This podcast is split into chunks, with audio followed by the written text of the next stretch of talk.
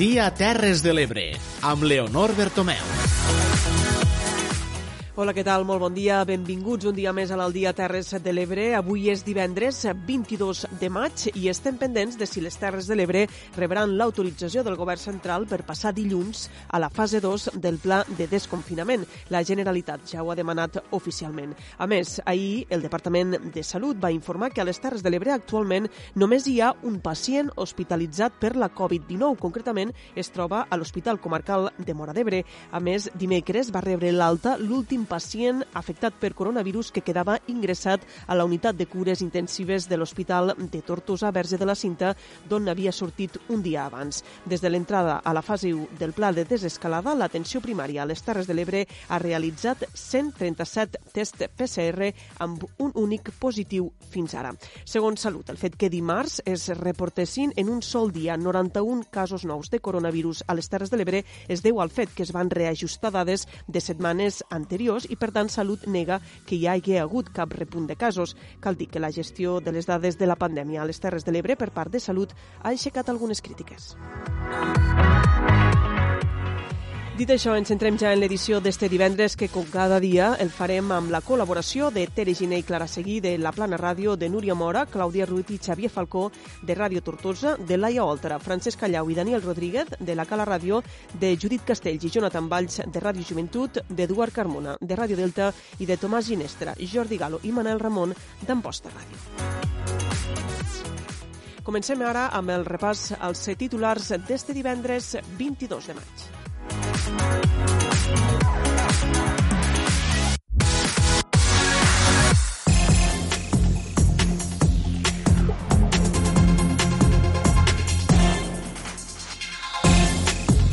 El govern català demana que les Terres de l'Ebre, juntament amb el Camp de Tarragona i l'Alt Pirineu, puguin passar dilluns a la fase 2 del pla de desescalada. Ulldecona i la Sènia es beneficien de l'ordre publicada avui al BOE que elimina horaris per passejar als municipis de menys de 10.000 habitants. Municipis com la Cala hauran d'esperar a passar dilluns a la fase 2 per eliminar franges horàries. El Consell Comarcal del Baix Ebre consinsua 50 mesures per pal·liar la crisi del coronavirus. Tortosa prepara una campanya per promoure el comerç local que inclou la gratuïtat de la primera hora de la zona blava.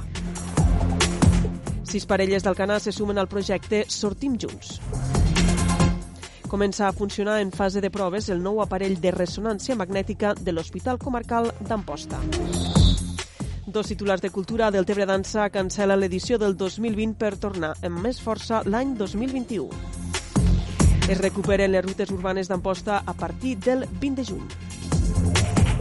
I encara un últim titular, desarticulada un grup, desarticulat, un grup que conreava i distribuïa marihuana des del País Valencià i les Terres de l'Ebre.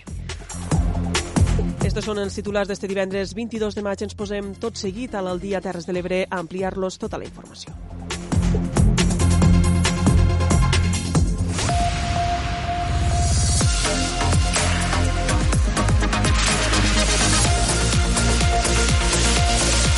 Al dia els ho dèiem en començar, el govern de la Generalitat ha demanat ja de forma oficial a l'executiu de Pedro Sánchez que les Terres de l'Ebre, el Camp de Tarragona i l'Alt Pirineu i Aran puguen passar a la fase 2 del desconfinament a partir de dilluns que ve, dia 25 de maig. La mesura permetrà, per exemple, dinar en restaurants o banyar-se a la platja. Abans, però, este divendres, el BOE publica una ordre segons la qual s'eliminen les franges horàries en municipis de menys de 10.000 habitants que estiguen a la fase 0 i 1 i podran també obrir bars bars i restaurants. Esta disposició, que entra avui en vigor, beneficiarà a les Terres de l'Ebre a poblacions com Ulldecona i la Sènia Judit Castells.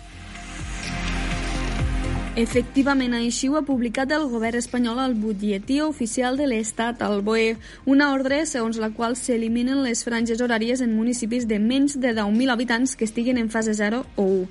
A més, podran obrir bars i restaurants per al seu consum a l'interior amb certes condicions.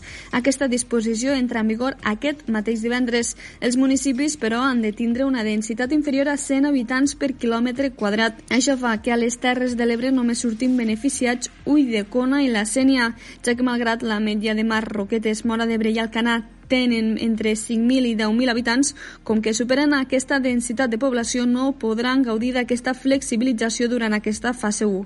També es permet assistir als velatoris 15 persones en espais tancats i 25 a l'aire lliure. A més, se podrà anar al temple si no se supera el 50% de l'aforament i estarà permès també que obrin les biblioteques amb un terç de l'aforament. Aquesta ordre elimina les franges per a la població infantil i també per als esportistes no professionals. A més, no serà obligatori que només vagi un acompanyant en el cas dels nens. L'activitat se podrà practicar en el terme municipal o a una distància màxima de 5 quilòmetres, incloent municipis del costat, però sempre també que siguin de menys de 10.000 habitants. Els bars i restaurants, amb l'excepció de discoteques i locals d'oci nocturn, podran obrir per al consum interior. No s'haurà de superar, això sí, el 40% d'aforament. El consum a l'interior haurà de fer-se en taules, preferentment mitjançant reserva prèvia. No s'admetrà l'autoservei a la barra i les taules hauran de guardar una distància de 2 metres. A més, també està permès l'encàrrec en el propi establiment de menjar i beure per emportar. Se podran oferir productes de lliure servei a través de plats individuals degudament preservats. El servei a la terrassa se farà d'acord amb el previst en la fase 1 i els ajuntaments podran autoritzar la celebració de mercats ambulants. Òbviament, queden excloses les persones amb símptomes o en aïllament domiciliari per haver estat en contacte en un positiu doncs, de gaudir d'aquesta flexibilització i, de fet, les comunitats autònomes i els propis municipis podran demanar al Ministeri de Sanitat la suspensió de l'aplicació d'aquesta ordre quan se considere que hi ha risc per a la població o el nombre de casos positius de coronavirus hagi crescut de forma sostinguda durant les dues setmanes anteriors a la sol·licitud. La Menya de Mar, en canvi, haurà d'esperar passar dilluns a la fase 2 per poder eliminar les franges horàries per sortir a passejar o practicar esport, tot i la publicació avui de l'ordre que les suprimeix en els municipis de menys de 10.000 habitants no pot entrar en vigor perquè la densitat de població és superior a la permesa. Ens ho explica Francesc Callau. En concret, la densitat de la cala és de 101 habitants i mig per quilòmetre quadrat, quan el màxim permès en l'ordre publicada és de 100. Amb tot, està previst que les franges horàries s'eliminin amb l'entrada a la fase 2. Per això l'alcalde Jordi Gazani espera que s'autoritzin les Terres de l'Ebre a seguir avançant amb la desescalada dilluns vinent. Si tot va igual, dilluns, eh, doncs, eh, amb tota probabilitat, eh, la Mella de Mar entraria en la, en la fase 2 i amb aquesta fase 2 tot i que també hem de ser prudents perquè hem d'esperar a la publicació del BOE, a l'anàlisi del BOE i de llegir la lletra petita com avui ens ha passat, eh, també doncs, en principi eh, doncs, aquestes franges s'haurien de eh, ser molt més eh, flexibles, eh? si no eliminades totalment, trobarem uns, uns canvis amb el que són franges horàries i també eh, sembla ser doncs, eh, amb el tema platja, eh, que tot sembla eh, doncs, que dilluns eh, doncs, també hi haurien canvis i podríem utilitzar molt més les platges del que ens ho deixen fer ara i eh, fins i tot doncs, amb els espais, amb, amb, amb els establiments, bars, restaurants també eh, amb una fase 2, eh, que això ho contemplem de cara al dilluns, eh, doncs també hi ha, la, hi ha la probabilitat de que es puguin utilitzar ja els interiors dels eh, establiments a banda de suprimir les franges horàries, el pas a la segona fase també permetrà que els bars i restaurants puguin habilitar algunes taules a l'interior a banda de les terrasses i que s'ampliï el nombre de persones que es puguin reunir a un màxim de 15. També es podrà banyar a la platja respectant el distanciament amb la resta de banyistes.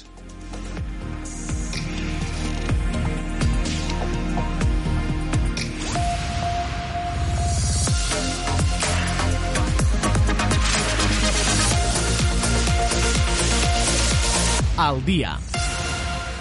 Seguim repassant l'actualitat a l'Aldia Terres de l'Ebre. El Consell Comarcal del Baix Ebre ha presentat un conjunt de 50 mesures socials, econòmiques i sanitàries per fer front a la crisi derivada de la pandèmia. Totes elles han estat aprovades unànimament per tots els partits durant les juntes de portaveu. Ens informa Clàudia Ruiz.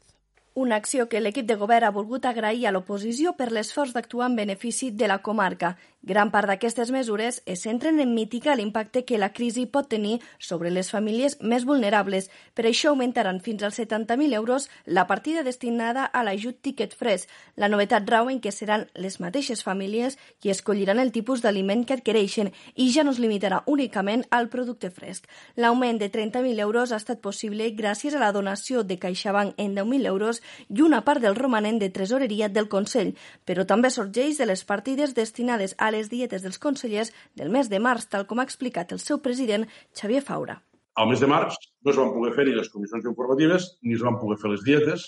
En lloc de repetir-les durant un altre període de temps, han posat en valor, han posat sobre la taula els partits polítics, si volien destinar aquesta xifra de les dietes del mes de març a obra social i, en aquest cas, a contribuir a fer més gran la bossa del Banc dels Aliments, en aquest cas dels, dels eh, tíquets bàsics d'alimentació i tots han estat d'acord. El Consell també es troba en tràmit per signar un conveni amb l'Agència Catalana de l'Habitatge. Aquest permetrà gestionar tres pisos d'emergència social, així com l'augment de l'ajut a les famílies per pagar el lloguer. En quant a mesures econòmiques, el Consell considera una moratòria en el lloguer a les empreses del Viver Baix Ebre Nova. També suspendrà la taxa de preus públics a Ebreterra per a la utilització dels espais de cuina i sales de reunions i tampoc es cobrarà entrada en aquest equipament una vegada pugui reobrir. El Consell també es marca com a objectiu donar un nou impuls al turisme, centrant-se en la promoció de la Via Verda de la Val de Zafán. Jordi Jordan és el vicepresident i conseller comarcal de turisme. El que volem és continuar treballant per a que eh, es pugui projectar i, i es pugui promoure també de manera conjunta entre tots els territoris per on passa. I el que volem és eh, intensificar els contactes en tots aquests eh, diferents territoris per a poder fer una eh, promoció conjunta perquè pensem que d'esta manera ens permetria eh, fer una promoció molt més eh, forta, molt més potent Dintre de les Terres de l'Ebre, aquesta reactivació econòmica es vol impulsar des de la reserva de la biosfera per incrementar el nombre d'empreses turístiques i productors que s'acrediten amb la marca. Des del Consell es crearà una taula de seguiment perquè aquest document de mesures pugui actualitzar-se i adaptar-se a les noves circumstàncies, així com per garantir la seva execució. I a Tortosa, el govern municipal prepara una campanya de promoció del comerç local de la ciutat per ajudar a reactivar l'activitat després de l'aturada provocada per la pandèmia de la Covid-19. Una de les primeres accions que es posaran en marxa és la gratuïtat de la zona blava durant una hora. Ens informa Núria Mora. La campanya inclou un seguit d'accions que volen incentivar les compres a les botigues tant entre la gent de Tortosa com entre la resta de població de les Terres de l'Ebre, al nord de Castelló o al Matarranya. Un dels punts més importants d'aquest seguit de mesures suposarà la gratuïtat de la zona blava durant la primera hora d'estacionament. S'allargarà durant sis mesos i s'aplicarà el primer tiquet diari per cada vehicle fent servir l'aplicació mòbil Aparcar Tortosa. L'ús de les noves tecnologies també permetrà evitar al màxim el contacte amb els expenedors treballadors situats a la zona blava, reduint així la possibilitat que es converteixi en un possible focus de propagació del virus. Així ho ha explicat l'alcaldessa de Tortosa, Meritxell Roger durant sis mesos portarem a terme aquesta campanya per tal de promocionar que la gent vingui a Tortosa que tindrà una hora gratuïta per tal de poder aparcar a la zona blava de la ciutat. Ho fem lligat al fet de que sigui a través de l'app i a la vegada amb això també afavorim que no hi hagi contacte amb els expenedors i per tant minimitzem els riscos de poder tocar els diferents eh, expenedors i fer-ho eh, i evitar possibles focus de, de contagi. La modificació de l'ordenança que regula l'estacionament de la zona blava s'haurà d'aprovar al ple extraordinari calendari previst per al dijous de la setmana que ve, dia 28 de maig, i la mesura serà efectiva després del període d'exposició al públic. D'altra banda, l'alcaldessa de Tortosa ha detallat les mesures que s'han hagut d'adoptar des de l'inici d'aquest 2020 per fer front a les dues crisis que ha patit la ciutat, la del Covid-19 i la del temporal Glòria. En total, s'hi han hagut de destinar 160.000 euros del fons de contingència previst al pressupost municipal per situacions inesperades. Pel que fa a la pandèmia de coronavirus, l'Ajuntament de Tortosa ha destinat més de 25.000 euros per incorporar elements de protecció als diferents equipaments municipals, com ara mampares, de les quals se n'han instal·lat gairebé un centenar als llocs d'atenció a la ciutadania. A més, s'han destinat més de 17.000 euros a l'adquisició d'elements de protecció individual, com ara mascaretes, gel hidroalcohòlic desinfectant, granotes o ulleres. Pel que fa a l'altra gran crisi que ha calgut abordar des de l'inici d'any, la provocada pel temporal Glòria de final de gener, l'Ajuntament de Tortosa ha hagut de destinar més de 96.000 euros a l'arranjament de camins o d'equipaments municipals. La part més important s'ha centrat en les partides de Sant Llàtzer, l'Horta de Pimpí, Vinallop o el Coll de l'Alba. Igualment, s'han hagut d'arranjar les taulades del Mercat Municipal, la comissaria de la Policia Local, de l'Ajuntament o de l'antiga nau d'Indor reconvertida ara en espai cultural. Ens desplacem ara fins a la comarca del Montsià. Sortim Junts és un projecte impulsat des de l'Ajuntament del Canà per promoure l'acompanyament de la gent gran del municipi per part del jovent. De moment, sis parelles ja participen de la iniciativa. Ens ho explica Tere Giner. Fa unes setmanes ja us vam explicar la iniciativa que l'Ajuntament d'Alcanar volia posar en marxa amb el projecte Sortim Junts, una proposta impulsada per l'Ajuntament per tal de promoure l'acompanyament de la gent gran amb les passejades que poden realitzar durant aquest desconfinament. L'alcalde d'Alcanar, Joan Roig, explicava que van notar molta angoixa entre la gent a l'hora de tornar a sortir de casa i per això van implementar aquest programa. L'escoltem. Bueno, des del principi de l'estat d'alarma ja vam notar, eh, vam copsar que hi havia alguns col·lectius no més vulnerables i vam focalitzar els nostres eh, recursos eh, a, a poder cobrir les seues necessitats i després ja quan este, este estat d'alarma s'està fent una mica més flexible hem notat també que aquests col·lectius més vulnerables, sobretot eh, la gent gran, pues, tenia sensació de desassossec, d'angoixa a l'hora de sortir al carrer, no se sentien segurs.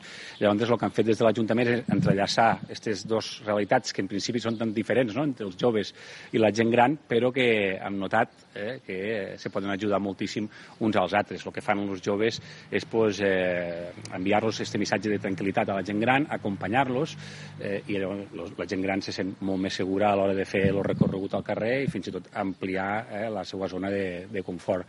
Estem notant que funciona molt bé. Actualment hi han eh, sis parelles, de, un jove i una persona gran, i, escolta'm, eh, estarem a la seva disposició eh, per a tot allò que puguen necessitar. No? Actualment són sis les parelles que formen part del projecte. Una d'aquestes, formada per l'Alba i la Remei, explicaven a l'Agència Catalana de Notícies que surten tres dies a la setmana i aprofiten per xerrar i compartir experiències. Escoltem l'Alba. Vaig trobar una iniciativa molt bona tant per ells com per nosaltres perquè pues, mira, nosaltres ens sentim molt bé de que ells puguen sortir al carrer i que puguen passejar i a part pues, compartir experiències i xerrar i tot això pues, també és, és bonic. Per la seva banda, la Remei comentava que anar en companyia al poder sortir ha estat una de les millors medicines. Això va ser millor que cap medicina, el sortir a caminar, millor que cap medicina, sí. I acompanyats més, perquè tot sola és que tot sola fa molt mal. Fa mal anar i llavors és que trobes el camí molt llarg. Perquè, claro, vas, vas, vas i vas en companyia, vas ragonant i quan te'n dones compte fas, ui, doncs sí, ja tornem a estar a casa. I va molt bé, sí, per mi molt bé, molt bé. Per l'alcalde, les trucades eh, per repetir amb l'experiència són el millor indicatiu de que la iniciativa funciona i no descarten que el programa segueixi en un futur. Anem ara fins a Amposta. Comença a funcionar en fase de proves el nou aparell de ressonància magnètica de l'Hospital Comarcal. En el nou aparell s'han invertit 500.000 euros, Manel Ramon. Doncs així és, efectivament, l'Hospital Comarcal d'Amposta ja disposa d'un nou aparell de ressonància magnètica que entrarà en funcionament aquest proper dilluns, dia 25. L'entrada en funcionament, la instal·lació de la qual es va iniciar dies abans de l'esclat de la pandèmia de la Covid-19, s'havia deixat suspesa per la gestió de la crisi i ara, amb l'inici del retorn a l'activitat habitual, l'hospital ha decidit començar la fase de proves de l'aparell. Està previst que durant 15 dies s'activen les aplicacions de l'aparell i que després d'aquest període de proves s'inicien ja al servei de diagnòstic per a pacients. Així ho explicava la regidora de Sanitat de l'Ajuntament d'Amposta, Susana Sancho. I perquè és una bona notícia de la qual n'estem especialment satisfets i és que el dilluns dia 25 ja comencen les aplicacions i les proves de la nova resonància magnètica de l'Hospital Comarcal d'Amposta, que, com tots sabeu, des de l'any 2012 que l'Hospital Comarcal estava sense l'aparell este tan necessari de la resonància magnètica i després de tota la feina que s'ha fet, de tota la licitació i de les obres i tot el que això ha comportat, la, lo traure l'antiga, no? la que estava en mal estat i tot, pues per fi el dilluns ja comencen les proves. L'alcalde d'Amposta, Adam Tomàs, ha recordat que l'hospital ha invertit 500.000 euros en aquest aparell d'última tecnologia i que permetrà recuperar un servei que l'hospital va perdre l'any 2012. Anualment es realitzaven entre 1.300 i 1.500 ressonàncies. Destacar que amb aquest servei l'hospital recupera prestacions per oferir el millor servei als usuaris de l'Hospital Comarcal d'Amposta. Obrim plana cultural. Ahir, al final de l'informatiu, ja els donàvem l'última hora que el Festival del Tebre Dansa ha quedat ajornat per a l'estiu de l'any que ve davant la incertesa i les restriccions de la crisi de la Covid-19. El festival sol acollir cada any ballarins i professionals de diverses nacionalitats diferents i la situació de la pandèmia arreu del món fa inviable celebrar del Tebre Dansa enguany. Ampliem avui esta informació amb una crònica de Júlia Alvesa. Emocionalment parlant, per a mi ha sigut molt dur eh, tindre que ajornar este festival perquè li fiquem molt de carinyo. D'aquesta manera, el director del Festival del Tebre Dansa, Robert Olivan, ha anunciat la cancel·lació de l'edició d'enguany. Tot i que l'abril ja es va posar damunt la taula l'ajornament del festival fins al 2021, l'organització no es va aturar i seguien treballant en l'edició d'enguany. I és que la incertesa i les restriccions imposades per les autoritats a la celebració d'espectacles públics i la lliure circulació de persones ha forçat a l'organització a ajornar aquesta edició del festival que estava prevista del 6 al 19 de juliol. Un festival que també comptava amb desenes de participants vinguts d'arreu del món per assistir als tallers i les classes de dansa contemporània. El Festival del Tebre Dansa eh, tracta en moltes emocions. O sigui, partem, parlem de les arts, arts escèniques, on molta gent pues, vivim eh, el nostre treball, la nostra activitat quotidiana diària, eh, està molt vinculada a les emocions. Eh, per a nosaltres tindre que treballar durant molts de mesos i després tindre que ajornar algo que sabem que milers de persones ho estaven esperant amb moltes ganes, ha sigut un cop dur. Tot i aquesta trista notícia, per al món cultural del territori, l'equip d'organització segueix treballant en l'edició del 2021. No, se, no, no seria just, no, no seria apropiat eh, fer-ho a mig gas. Per tant, pensem que, de nou, pensem en la, en la, tenim la certesa de que, de que és millor ajornar-ho, és millor aplaçar-ho, a guardar aquestes energies per a poder celebrar-ho en les millors condicions possibles l'any que ve. Enguany, l'estiu restarà un poc més quiet, serà més silenciós, perquè la carpa de Deltebre Dansa no marcarà el seu inici. I l'Ajuntament d'Amposta recupera les rutes urbanes organitzades per les regidories de Cultura i Turisme. Ho farà a partir del pròxim 20 de juny. Ens informa Manel Ramon. Doncs així és, degut al confinament es va haver de suspendre les rutes urbanes organitzades des de les àrees de turisme i cultura de l'Ajuntament d'Amposta. Aquestes rutes es recuperaran a partir del proper dia 20 de juny, amb les mesures que estableix el protocol de la Covid-19. Així, la majoria seran a l'aire lliure amb un menor nombre de participants, tal com explicava la regidora de Cultura, Inés Martí. Tornem a, a les rutes i també he de dir que ho dic perquè molta gent potser preguntarà i feu, totes són aire, a l'aire lliure, amb limitat l'aforament, és a dir, teníem un aforament de 25, han passat a reduir-lo a 15 persones. També és cert que no és l'únic que és espai tancat és a Torre de Carrova, però ja ho tenim arreglat i en tema de totes les demés a aire lliure no hi ha cap problema guardant les distàncies, per tant, i també hem pensat de reduir-lo perquè es pugui sentir millor. Les rutes començaran el 20 de juny amb una visita a la Torre de la Carrova per a continuar amb les rutes urbanes del modernisme, la ruta del Poble Nou amb les seves típiques construccions i patis. Seguiran les rutes de la Batalla de l'Ebre a l'estiu i la tardor i, finalment, també a la tardor, la ruta de l'escriptor Sebastià Juan Arbó. La informació i reserva de places es pot fer a l'oficina de turisme, també a la de cultura i festes i també online. Més informació a l'Aldia Terres de l'Ebre desarticulen un grup que conreava i distribuïa marihuana des del País Valencià i les Terres de l'Ebre.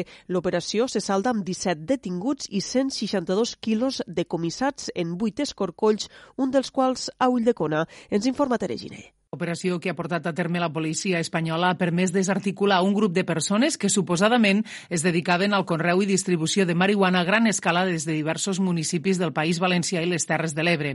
Es detenia 17 persones de diferents nacionalitats com a presumptes autors de delictes contra la salut pública, organització criminal, defraudació de fluid elèctric, blanqueig de capital, falsetat documental i infracció en la llei d'estrangeria. Les entrades van permetre decomissar 162 quilos de marihuana assecada preparada per la venda a Europa, així com 3.160 plantes, 9.000 euros, dos màquines d'envasat al buit, mòbils, un ordinador portàtil i quatre vehicles. Els agents eh, van efectuar diferents escorcolls, Paterna, Estivella, Beniparrell, Moncada, Godella, Castelló i també Ulldecona. En aquests domicilis es van localitzar sis laboratoris de producció de marihuana, conreus interiors preparats i equipats per a aconseguir diverses collites a l'any. La investigació, segons el relat policial, va començar al mes de gener quan es va interceptar un cotxe a Paterna. Malgrat això, les indagacions posteriors van permetre localitzar també diversos domicilis en els quals es conreava la marihuana i servien de residència dels arrestats, fet que va portar a des, al descobriment de l'entramat dedicat al conreu i a la distribució. Van identificar també les persones que formaven part de la xarxa dirigida des de Paterna, punt des d'on també es llogaven habitatges unifamiliars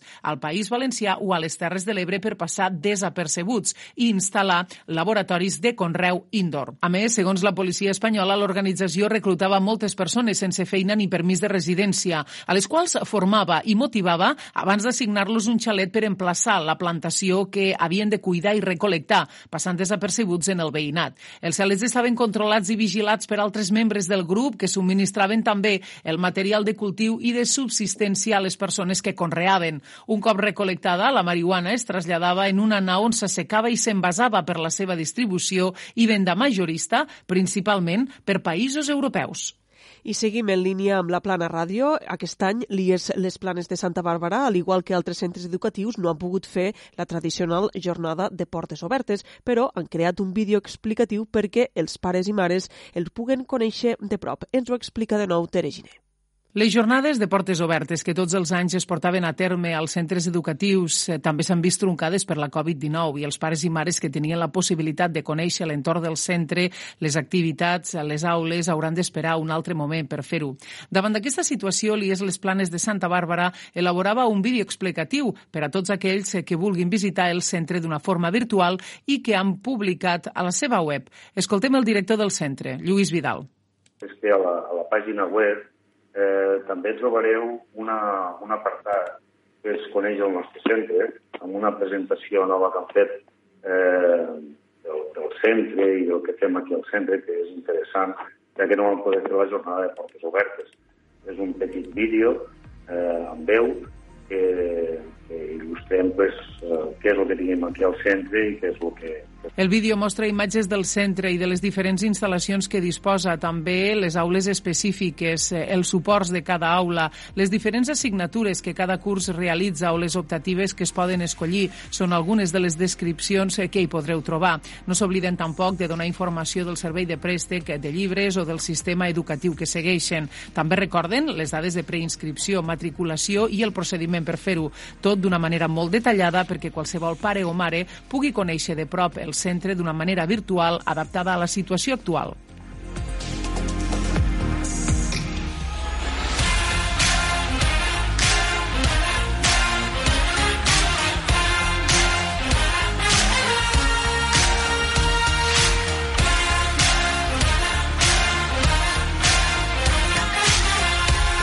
Al dia, els esports de les Terres de l'Ebre. Ens ocupem ara de la informació esportiva al dia Terres de l'Ebre. El tortosí Toni Gerona és el nou seleccionador de Sèrbia, un combinat que està a l'espera de si la Federació Internacional d'Handbol li concedeix una invitació per participar en el Mundial del 2021. En cas de no ser així, lluitaran per estar a l'Europeu del 2022. Tot plegat ens ho explica Vicky Magí. Toni Gerona és el nou seleccionador de Sèrbia, combinat que no es va classificar per al Mundial del 2021, però que ha demanat una invitació a la Federació Internacional. En cas de no poder acudir a la cita mundialista, a partir del gener, el combinat serbi buscarà el bitllet per al Campionat d'Europa del 2022. Cal recordar que a nivell de seleccions, el tècnic tortosí havia dirigit a Tunísia, combinat amb qui va guanyar la Copa d'Àfrica el 2018. Gerona valora esta nova etapa dintre la seva exitosa trajectòria com a entrenador. Fitxar la selecció sèrbia és, sense cap mena de dubte, un pas endavant. És una selecció de les històriques del, del handball mundial, tot i que els últims anys eh, no han estat, eh, no han tingut els resultats que per la qualitat de, de jugadors eh, podrien haver aconseguit. Han tingut bastants jugadors que fins i tot han renunciat a jugar a la selecció i bueno, com a objectius tenim, evidentment, no només els resultats en el primer equip, sinó que m'han demanat també que els ajudi a estructurar tots els equips de la base, que els ajudem en tots els temes de formació i bé, és un repte important, un repte realment molt, molt atractiu. Girona compaginarà este càrrec en el d'entrenador del Charts francès, equip al que ha dirigit esta temporada atípica a causa del coronavirus i amb el que havia fet una excel·lent campanya. Parlem de futbol. La temporada vinent, la primera catalana podria arribar a tindre fins a quatre equips ebrencs si es confirmen els ascensos i la creació d'un tercer grup. Té tots els detalls el nostre company Andreu Miralles. Els equips ebrencs de futbol estan pendents del futur de les competicions a l'espera de la resolució de la federació pel que fa als ascensos. Una vegada ja es coneix que molt probablement sí que n'hi hauran, tot el contrari que els descensos, que no estan previstos. En estos moments, a falta de confirmació oficial, tot apunta que la primera catalana tindria tres grups, és a dir, un més que en les temporades anteriors. Això suposaria que 17 equips de segona catalana haurien de pujar. Estos serien els sis líders a la jornada 23, els sis segons i els cinc millors tercers. Si això es confirma, Gandesa, Rapitenca i Tortosa pujarien de categoria. Aquesta temporada l'hem acabat d'una forma precipitada i malauradament eh, a hores d'ara encara no sabem eh, com començarem la propera i caben dues possibilitats, la de continuar i començar una temporada més a segona catalana, o bé eh, es parla també de la possibilitat de crear una tercera, un tercer grup a la primera catalana, amb la qual cosa mm, el Tortosa pujaria i quedaria classificat per a jugar a primera catalana. Si Gandesa, Rapitenca i Tortosa acaben pujant a primera catalana, l'efecte dominó podria comportar que el Remolins Vitem, líder de la tercera catalana ebrenca a la jornada 23 també pugés. També ho farien els segons classificats dels tres grups de tercera a la província. En el cas ebrenc, li tocaria l'Aldeana. Llavors, a segona catalana hi podrien haver 20 equips, i si tal com es preveu la propera temporada ha de ser més curta per la crisi sanitària, això podria comportar dues lliguetes amb 10 equips cadascuna. S'espera que a finals d'esta setmana o la vinent la federació pugui aclarir el conflicte amb el nou pla de competicions. I el Santa Bàrbara està de canvis i renovacions. D'una banda, Jordi Gisbert serà el nou president i de l'altra, perdó, d'una banda, Jordi Gisbert serà rellevat per Silverio Marcos com a nou president i de l'altra, el director tècnic, Francesc Parra, deixarà el seu lloc a la banqueta Aito Galve. Té tots els detalls clar a seguir. Amb la presidència i una junta directiva nova, al Santa se li suma una altra incorporació, nou director esportiu. Es tracta d'Ito Galve, el qual va estar al Jesús i Maria fa dues campanyes quan l'equip de l'AUB va ser campió de la tercera catalana. Galve es mostra il·lusionat amb aquesta nova etapa que encetarà, segons afirmava a ebredigital.cat. Molt il·lusionat. Eh, sé que a Santa Bàrbara, com molts clubs, eh, la crisi del coronavirus l'ha afectat eh, i els recursos econòmics seran limitats, però bueno, eh, a mi no em preocupa, estic acostumat a, a treballar així, en, en pocs recursos econòmics. Eh, a mi el que em preocuparia és que no hi hagués il·lusió, però a Santa Bàrbara hi ha molta il·lusió. Eh, S'ha fet un, un còctel a la Junta entre gent veterana i gent jove que vol, vol portar el futbol del Santa Bàrbara on se mereix i jo crec que tot el que per la part econòmica anirem una miqueta justets, eh, crec que en il·lusió, en ganes, mos guanyaran ben poquets. Aquest és l'objectiu, no? Fer un equip jove, en ganes, confiar molt en la gent de casa i en estes, en estes, en estos ingredients crec que podem fer el còctel que Ito porta, porta al cap i porta la idea de, de que es produïsca. Un cop Parra ja va informar que no continuava al Santa, es va plantejar la incorporació d'un entrenador. Tant Subi, que havia estat al cos tècnic de la Rapitenca, com Ramon Sancho podrien ser una opció. Segons informen també a Bredigital.cat, no obstant, de moment no hi ha res confirmat.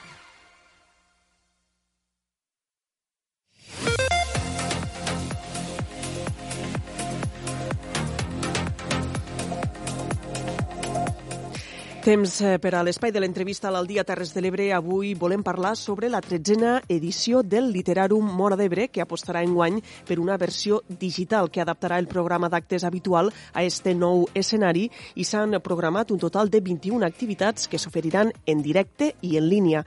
La mostra manté també les dates previstes i, per tant, es farà entre el 28 i el 31 de maig. Per parlar d'esta edició del 2020 del Literarum Mora d'Ebre, saludem al seu director, Albert Pujol. Bon dia i benvingut a l'Aldia Terres de l'Ebre.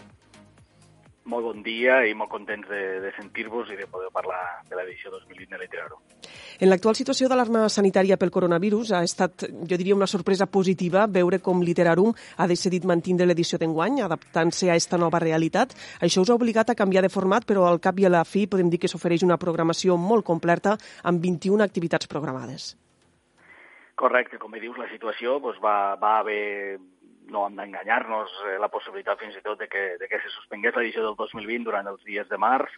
Jo crec que aquí, tant la Institució de les Catalanes com l'Ajuntament de Mora d'Ebre i la comissió organitzadora de Literàrum doncs van, vam saber moure-nos ràpid, vam saber parlar-nos en aquests dies eh, de manera molt habitual per trobar-li diverses solucions i també vam tindre la gran sort, i per això en relativament poques setmanes vam poder implantar aquest format digital, perquè ja havíem estat estudiant en edicions anteriors diversos formats digitals per a intentar que algun dels espectacles se pogués emetre a través d'internet i aquella feina que ja havíem portat fent doncs la vam recuperar, eh, aquell calaix que teníem i ens va permetre treballar doncs, esta edició només amb 30 i pocs dies que podrem gaudir del 28 al 31 de maig amb aquest format en directe i online només entrant a la web de literarum.cat.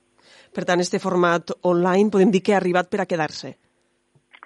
Sí, perquè a més a més, com vaig dir, el treball que havíem fet previ, ja teníem intenció de fer una base prèvia de Terrarum Digital prèvia a l'edició presencial del 2020, si no hagués passat tot això, que hagués durat durant eh, tres o quatre caps de setmana del mes de maig, anteriors a l'edició presencial, i eh, ja era la nostra intenció quan vam fer la proposta de que se convertís tot el literàrum eh, presencial en tot un literàrum digital, eh, la mateixa institució i l'Ajuntament ens van dir que creien que l'esforç que això suposaria fer, i evidentment no així ha sigut, quedés ja una, una edició digital per a les properes edicions, amb aquesta gran intenció de que poder fer arribar la literatura catalana a través de l'escena a qualsevol persona eh, del món, perquè ja sabem ja que tenim gent fins i tot fora de l'estat espanyol eh, que es connectaran aquests dies a veure espectacles de la literatura catalana. Precisament ara això li anava a preguntar. El sistema que fareu servir per tal de poder emetre Literarum en línia és l'aplicació watchy.com, que permetrà que arribi multitud de canals alhora, no? xarxes socials, pàgines web, inclús televisions, i això farà que es pugui arribar a més públic que podíeu arribar de manera presencial.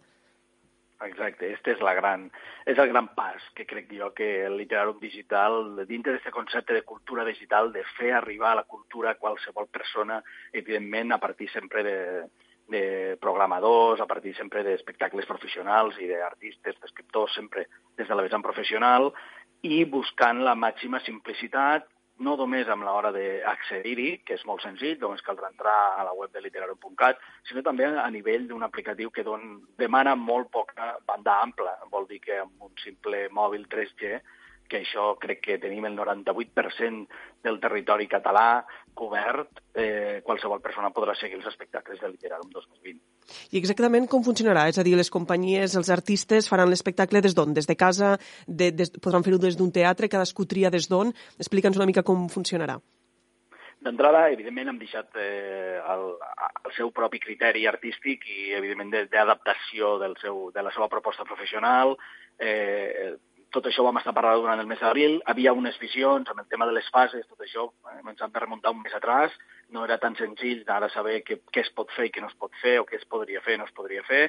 Eh, I al final el que vam decidir és que els artistes decidien, alguns ho volen fer a casa, una mica han entès que el públic també estarà a casa i volen, uh -huh. en aquest sentit, eh, simpatitzar amb ells, i d'altres han, han escollit el seu espai d'assaig habitual que l'adaptaran professionalment per a fer l'espectacle o algun espai de la seva pròpia població que també els ha cedit eh, en aquest cas l'Ajuntament. Hi haurà les tres tipologies, també ens agrada que hi hagi les tres tipologies perquè també intentem també sortir d'esta entre cometes, normalitat de veure eh, últimament a tothom a casa, no? I com ja podem començar a sortir, doncs, també hi haurà alguns espectacles que es podran visualitzar fora del que serien les cases dels mateixos artistes. Cal dir que es manté la part professional de la fira. Crec que fins i tot als finals de cada actuació doncs, els programadors podran fer preguntes als artistes. Teniu ja dades d'inscripcions de programadors? Si més que res per saber si s'ha mantingut l'interès malgrat la incertesa que viu avui el món de la cultura i de l'espectacle totes les expectatives han sortit eh, gratament sobrepassades. Només en 24 hores vam tindre 48 programadors. Les xifres dels altres anys rondaven el centenar, no arribàvem al centenar de programadors físics, diguem. Uh -huh. eh, això vol dir que avui me, me passaven el report este de matí, en tenim 84, crec, i, eh, estem a divendres de la primera setmana. Normalment els programadors és la darrera setmana quan, quan fan la seva inscripció. Vull dir que segurament, evidentment, superarem el centenar de llarg. Això ja hi comptàvem com bé dèiem, eh, ens ha permès arribar, sobretot a moltes biblioteques, a través del servei de biblioteques de la Generalitat, eh, que, que a vegades el tema de la presencialitat, a molts agents i programadors del País Valencià i de les Illes Balears, també per, per temes de desplaçament, a vegades els era complicat vindre, i com bé te, te comentava abans, a través de, de l'Institut Ramon Llull, fins i tot eh, estrangers, no? gent que programa activitats eh, de la literatura catalana arreu d'Europa i que ja tenim confirmats, crec que són vuit països diferents eh, i en estem molt, molt, molt contents perquè era un dels grans objectius també amb la idea de que això pogués eh, obrir eh, possibilitats a d'altres festivals i a d'altres activitats culturals. Literalment hem fet aquest gran esforç perquè l'equip ha treballat moltíssim durant eh, relativament poques setmanes també per a, per a obrir els ulls a moltíssima gent de que aquesta és una possibilitat que ha vingut per quedar-se. Si entrem en la programació d'este Literàrum 2020, enguany els grans protagonistes, per dir-ho així, són Josep Carné i Joan Perucho, no? Exacte. La institució cada any, eh, com eh, és molt habitual triar algunes commemoracions que són les uh -huh. destacades d'aquell any.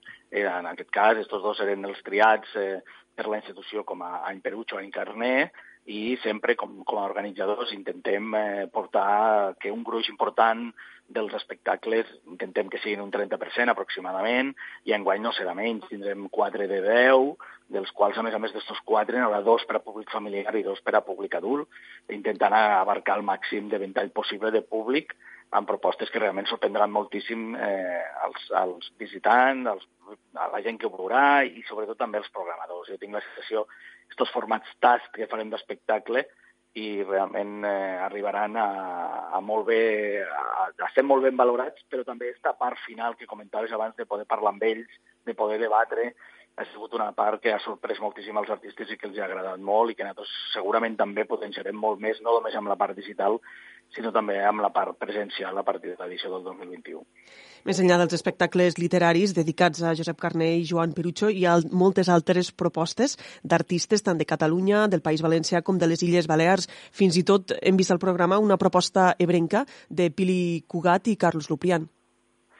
Exacte. Cada any, Literàrum, des de la seva primera edició, sempre ha donat recolzament als artistes del nostre territori, als artistes ebrencs, amb els quals a vegades hi parlem un o dos anys anteriors a l'edició que finalment acaben eh, participant. Eh? És, és un, un feedback molt, molt bo amb els artistes de casa nostra, amb els quals sempre estem els ulls ben oberts i, i parlem amb ells i sempre els diem que més aviat o més tard acabaran venint al Literàrum amb la seva proposta artística. La Pili ja portàvem uns anys parlant amb ella, eh, té diversos espectacles que encaixaven dins del que era Literàrum, però que ens va acabar de convèncer a la comissió organitzadora és un espectacle que és molt especial sobre el rector de Vallfogona, un espectacle que crec que va estrenar Tortosa l'any passat a la biblioteca i que volem que la gent el visualitzi perquè el rector de Vallfogona és un dels grans escriptors de la història de la literatura catalana, de la, evidentment de l'etapa medieval, molt desconegut per a moltíssima gent, eh, però Francesc Vicenç Garcia realment com a, com a persona que havia estat molts anys al nostre territori ha de ser reconegut també, no? I la Pili aquí ha fet un, amb el Carlos Rupián ha fet una gran feina que es podrà visualitzar, que a més a més serà la cloenda del Literàrum Digital 2020 i que a més a més se farà un espai especial que no podem dir res més, diguem, serà sorpresa i que segurament ens farà que tots estiguem el diumenge a les 12 del migdia preparats per a, per a gaudir d'aquest espectacle que, que la Pidi i el Carlos han preparat amb, amb molt amor i que nosaltres realment li donem moltes, moltes gràcies. No sé si Pili i Carlos seran els únics representants ebrencs en esta edició digital, però de totes maneres entenc que cada any sí que intenteu mantindre no, un percentatge de, de presència d'artistes ebrencs. Sí, sí. A veure, no és un tema de quota, eh? és un no, tema de que tenim molta qualitat al territori, tenim molts artistes d'aquí casa nostra que toquen la literatura o d'aquí, de Terres de l'Ebre, o fins i tot de fora, i que nosaltres, evidentment, ja com dic des del començament, hem, hem, hem recolzat sempre perquè creiem que, que així ho hem de fer com a, com a fira professional del nostre territori i que, com bé dies, eh, al final som 10 i bueno, hem intentat que hi hagi una miqueta de tot eh, amb espectacles eh, repartits. Per exemple, enguany hi dos de les Illes Balears i un del País Valencià, però també no ens regim per quotes, sinó per qualitat. Ens agrada, evidentment, eh, visualitzar-ho tot. Hagut anys que han sigut més, hagut anys que han sigut menys. Eh, recordo algun any que han sigut dos o tres de Terres de l'Ebre, per exemple. No? Vull dir que nosaltres sempre busquem que, que quedi una programació equilibrada, que els programadors la gaudeixin perquè així els contractin després i sobretot, sobretot, que el públic eh, vagi coneixent i la varietat que hi ha de tipologies d'espectacles. Eh? No només hi ha, evidentment, el recital o, o l'espectacle musical, sinó que hi ha moltes altres propostes dintre mateixes del que seria la mateixa eh, dir la literatura, no? que és el que volem, posar-la escena, posar-la a l'abast de la gent, a l'abast dels programadors, per a que pues, aquests professionals que es dediquen a això, evidentment, guanyin eh, els seus diners, puguin viure d'això, que és el que tots pretenem, i que va ser també, i no ho hem d'obviar, una dels grans impulsos de treballar tan intensament aquestes setmanes i no deixar caure el literàrum eh, a les mínimes possibilitats amb el fet digital per recolzar aquests professionals en aquest moment que tots en general ho estem vivint eh, força complicat, però que el sector cultural, només cal veure notícies, fa realment un, es farà ahir, no? I aquí Literàrum volia tindre un punt important de recolzament cap a ells dintre de les possibilitats econòmiques que evidentment no són les habituals tampoc, però en això ho vam tindre molt en compte i volem dir-ho i donar-los les gràcies no només als artistes, sinó també als programadors que destinaran temps a participar en aquesta literatura digital. Una altra de les propostes interessants que tenen cabuda dins del literarum és el literarum petits, no? per despertar l'interès per, la, per la literatura als més menuts. Sí, sí, sí, això ho portem fent també des de la primera edició. El Literarum Petits com a nom, com a marca d'activitat Literarum Petits, potser portem que, que són vuit edicions, però esta era molt especial. Ja teníem previst que fos un tant per cent no inferior al 40% d'espectacles, això vol dir que, que en tindrem, com bé dir abans, entre 3 i 4, eh, cada any el 40% de la programació serà destinada a aquest públic, amb el Literàrum Betits, enguany li tornem a donar molta força, a més a més té un nom propi, Eh, I aquí, bàsicament, perquè tenim dues línies. No? La primera, evidentment, el públic familiar, perquè les famílies eh, juntes, eh, els petits, puguin visualitzar espectacles que els agradin a partir de la literatura catalana, però també, a través, en el cas nostre, del Centre de Recursos Pedagògics del Departament d'Educació, eh, ho fem arribar eh, de manera pilot en, a totes les escoles de la Ribera d'Ebre. No? Això ho portàvem fent des de fa uns anys amb ells, eh, amb el Literarum presencial, i enguany amb el digital farem exactament el mateix. Dic pilot perquè ens agradaria, segurament en aquest format digital, que en properes edicions això funcioni també a d'altres comarques, principalment de Terres de l'Ebre i Camp de Tarragona, que, com a proximitat, però no descartem, igual que ens ha passat enguany, amb un boom molt important de biblioteques, que en un futur Literarum Petits arribi a, al màxim d'escoles possibles en aquest format digital. Com veieu, li veiem moltes possibilitats, seguint ja la idea que portàvem treballant els últims anys eh, amb el tema del, del Literarum presencial, però el digital continuarà tenint la mateixa filosofia, no? espectacles en digital per a, per a que, per exemple, el divendres a les 12 del migdia doncs les escoles puguin convidar els seus alumnes a que visualitzin aquest espectacle, doncs, a més de fer una classe de català, doncs, puguin veure un espectacle que va sobre literatura catalana amb la nostra llengua i que això doncs, comença a ser ja també una cosa molt actual i que volem que els propers anys encara es potenciï molt més. Hem de recordar també que en paral·lel a Literarum es celebra la Fira del Llibre Ebrenc i també es mantenen algunes de les activitats. Sí, això també va ser un, un gran repte per a tots plegats, eh, començant eh, per l'organització Institut Ramon Montaner, Centre d'Estudis de la Ribera d'Ebre, Consell Comarcal, però també, evidentment, amb els llibreters eh, col·laboradors. No? Ells muntaven una gran carpa amb més de 2.000 llibres, això com podíem traslladar, com podíem fer que les eh, recomanacions de llibres continuessin també en el format digital i com no, comprar llibres. També era un gran repte. I amb això realment han fet una feina extraordinària. Estem molt contents perquè tindrem una carpa, també, en aquest cas virtual, on la gent podrà trobar totes les novetats del 2019 i 2020 del món del llibre brenc i podrà comprar-les a través d'una aplicació que els mateixos llibreters han preparat i que la gent trobarà a la web de Literarum eh, els dies de la fira i que una vegada eh, pugui sentir les seues recomanacions, que farem tres recomanacions de dos llibreters per, per dia, on parlaran de les novetats i les explicaran també en directe perquè la gent les pugui, les pu pugui escoltar els llibreters les seues recomanacions. I per últim, molt important també, doncs, és que han pogut mantenir l'ajut que el Servei de Biblioteques de la Generalitat i el Departament de Cultura donaven a les biblioteques de Terres de l'Ebre amb la compra de llibres per als seus fons. Gràcies a que han fet la Fira del Llibre Ben Digital, aquesta subvenció no s'ha perdut, i els llibreters del nostre territori i les biblioteques i els ajuntaments del nostre territori tindran nous llibres amb unes quantitats molt importants econòmiques eh, gràcies a que hem fet aquesta versió digital que ells ens van dir, i així ho hem ratificat, és la primera fira de llibres, la primera activitat de venda de llibres que es realitzarà aquest 2020 en format fira. O sigui que d'entrada també hem tingut... Eh, aquest esforç ha valgut molt la pena i tenim molt clar que segurament eh, això també ho haurem de repetir els propers anys perquè cada vegada més tinguem la possibilitat de, fer arribar els llibres dels nostres IBTs, que després les biblioteques podran recollir en botiga o podran eh, demanar que se'ls enviïn al seu lloc d'origen, i això doncs, també activa moltíssim el sector del llibre, els llibreters de casa nostra estan molt contents i nosaltres molt contents de poder-ho aconseguir perquè també els donem un, una bona ajuda eh, a la seva gran feina feta, eh, sobretot els darrers anys, a la Fira del Llibre Brenc, de treballar tots junts cap a la mateixa direcció. Sense dubte, per tant, una molt bona notícia. Hi ha una última pregunta. Este Literàrum Digital arriba també amb un conveni, baix del braç, per dir així, que li garanteix la continuïtat fins al 2023. Sí, este era, evidentment, també un altre dels grans objectius. Portàvem treballant este conveni des de finals del 19, principis del 20 s'havia d'haver signat, uns temes de temps van fer que se n'anés cap al mes de març, i al mes de març tothom sabem què va passar, no? Eh, s'havia d'haver firmat, eh, diguem, eh, de manera presencial, eh, amb un acte i tal, i ja ho teníem tot previst, però això va tindre que canviar. Jo crec que aquí també va ser molt intel·ligent per part de la institució i per part de l'Ajuntament de fer un format digital i fer fins i tot una assignatura digital que finalment va ser este mes de maig i això, com bé dius, Bé, però el més important és que posa una base per propers quatre anys. Això eh, era un dels grans objectius que ens havíem plantejat el 2019 per l'edició del 2020.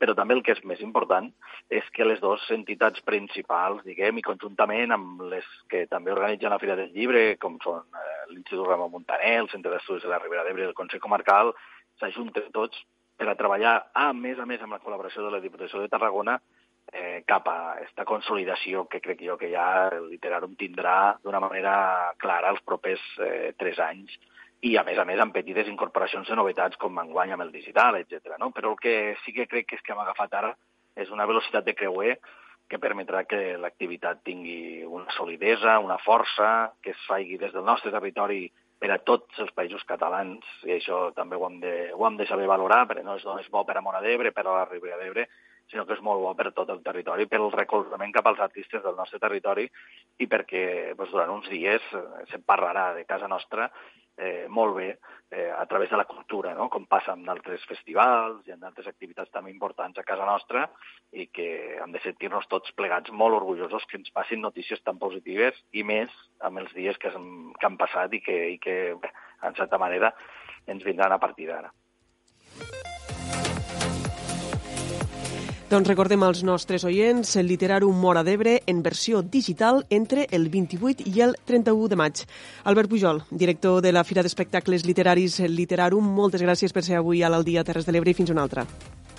Molt bé, moltes gràcies eh, per ajudar-nos a difondre la nostra activitat, com cada any eh, ens doneu recolzament i us agraïm moltíssim des d'aquí dalt, des de, des de la part més amunt de Terres de l'Ebre. Moltes gràcies, Albert. Fins una altra.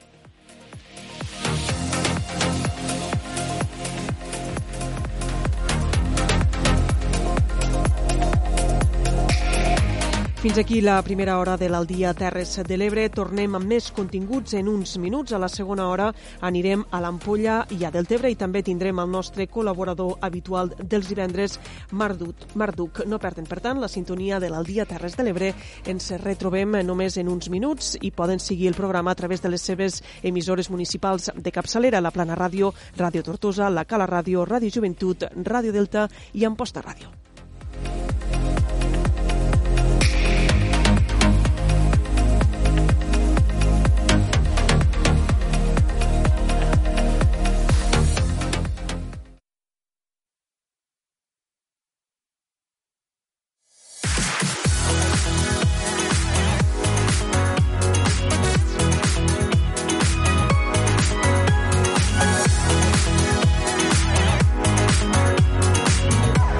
Dia Terres de l'Ebre, amb Leonor Bertomeu. Dos de la tarda i quatre minuts. Seguim en directe a l'Aldia Terres de l'Ebre. En esta segona hora de programa, a la secció de Poble en Poble, anirem fins a l'Ampolla i també parlarem amb el tinent d'alcaldia de Deltebre Projecció, Carlos Serra, Deltebre Projecció, regidor de Deltebre, Carlos Serra, ja que avui se celebraria a Deltebre la Fira Gastronòmica Mescla i Deltafira. També tindrem el nostre col·laborador habitual dels divendres, Marc Duc. Abans, però, d'entrar en matèria, anem a repassar els titulars més destacats d'este divendres 22 de maig.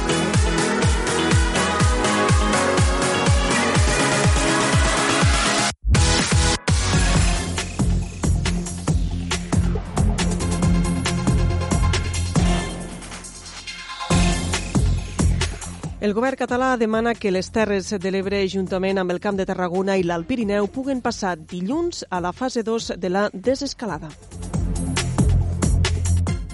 Ulldecona i la Sènia es beneficien de l'ordre publicada avui al BOE que elimina horaris per passejar als municipis de menys de 10.000 habitants. Municipis com la Cala hauran d'esperar, però, a passar la fase 2 dilluns vinent per eliminar les franges horàries. El Consell Comarcal del Baix Ebre consensua 50 mesures per pal·liar la crisi del coronavirus. Tortosa prepara una campanya per promoure el comerç local que inclou la gratuïtat de la primera hora de zona blava. Sis parelles d'Alcanar se sumen al projecte Sortim Junts. Comença a funcionar en fase de proves el nou aparell de ressonància magnètica de l'Hospital Comarcal d'Amposta. Dos titulars de l'àmbit de la cultura. Del Tebre Dansa cancela l'edició del 2020 per tornar amb més força l'any 2021. Es recuperen les rutes urbanes d'Amposta, ho faran a partir del 20 de juny. I encara un últim titular, desarticulada, desarticulat un grup, un grup que conreava i distribuïa marihuana des del País Valencià i les Terres de l'Ebre.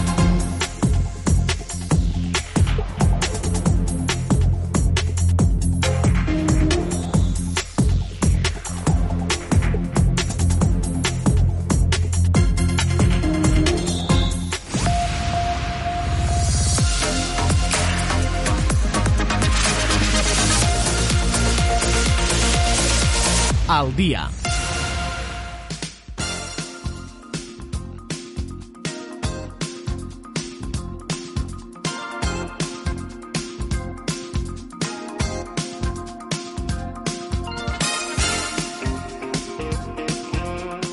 Encetem esta segona hora de programa amb la secció de Poble en Poble. Just avui, el dia que s'han publicat al BOE algunes relaxacions en les mesures de control dels municipis en fase 1, Francesc Callau parla amb l'alcalde de l'Ampolla, Francesc Carassa. El municipi ha adoptat una sèrie d'acords i mesures per protegir ciutadans i visitants i impulsar empreses i autònoms de cara a la temporada d'estiu.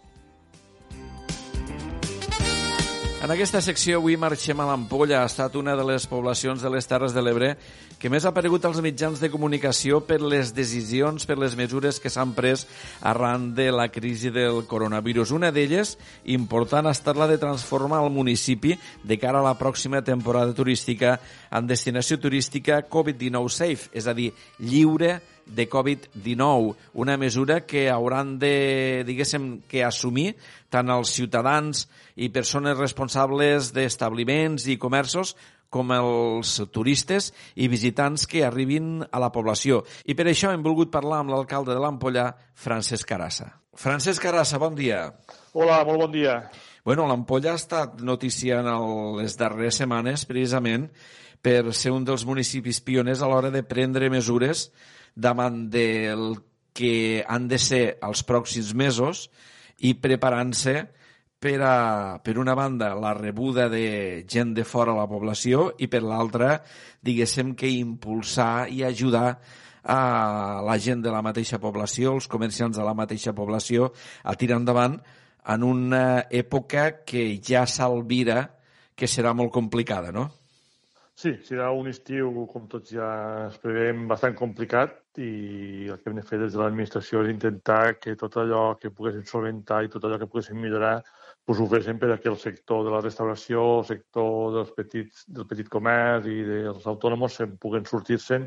I per tant vam acordar o vam decidir o vam plantejar fer aquest pla de, del Covid Safe l'ampolla per a poder donar més garanties no solament al visitant, que quan vingui aquí tingui la garantia que els ciutadans de l'ampolla estan fent les coses ben fetes, sinó que també el ciutadà de l'ampolla estigui protegit dels turistes que vindran a visitar-se. Per tant, seria una cosa eh, per les dues bandes d'intentar donar una màxima seguretat al turista que vindrà i també al ciutadà de l'Ampolla.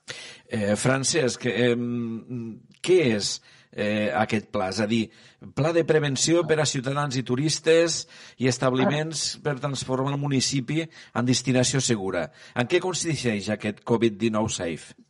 D'entrada eh, s'han de fer uns cursos online que han començat a nivell de, a nivell de ciutadans de la polla de turistes, això ja, ja ha començat i es pot fer a la pàgina web de l'Ajuntament, per rebre totes aquestes directrius i complir durant l'estiu aquestes normes que diu aquest, aquest curs online. No? I també els restaurants. També els restaurants i els comerços hi ha un curs que es ficarà en marxa avui o demà perquè els restaurants sàpiguen totes aquelles mesures que han de prendre per poder garantir que el ciutadà i el turista es trobi eh, segur i tranquil al moment de visitar el nostre poble.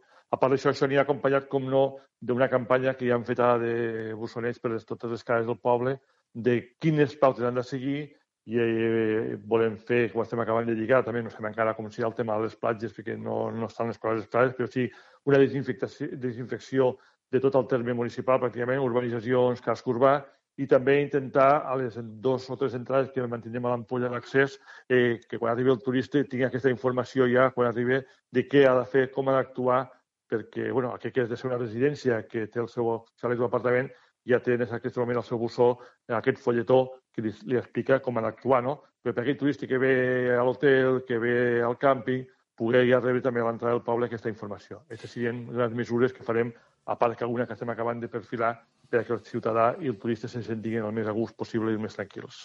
Clar, això eh, pot limitar, per una banda, la vinguda de gent de fora, però per l'altra dona la tranquil·litat tant al turista que ve de fora com al que es posa darrere d'una barra d'un restaurant o darrere d'una barra d'un supermercat, que el que ve complís les condicions, està sa i no hi ha perill de contagi, no?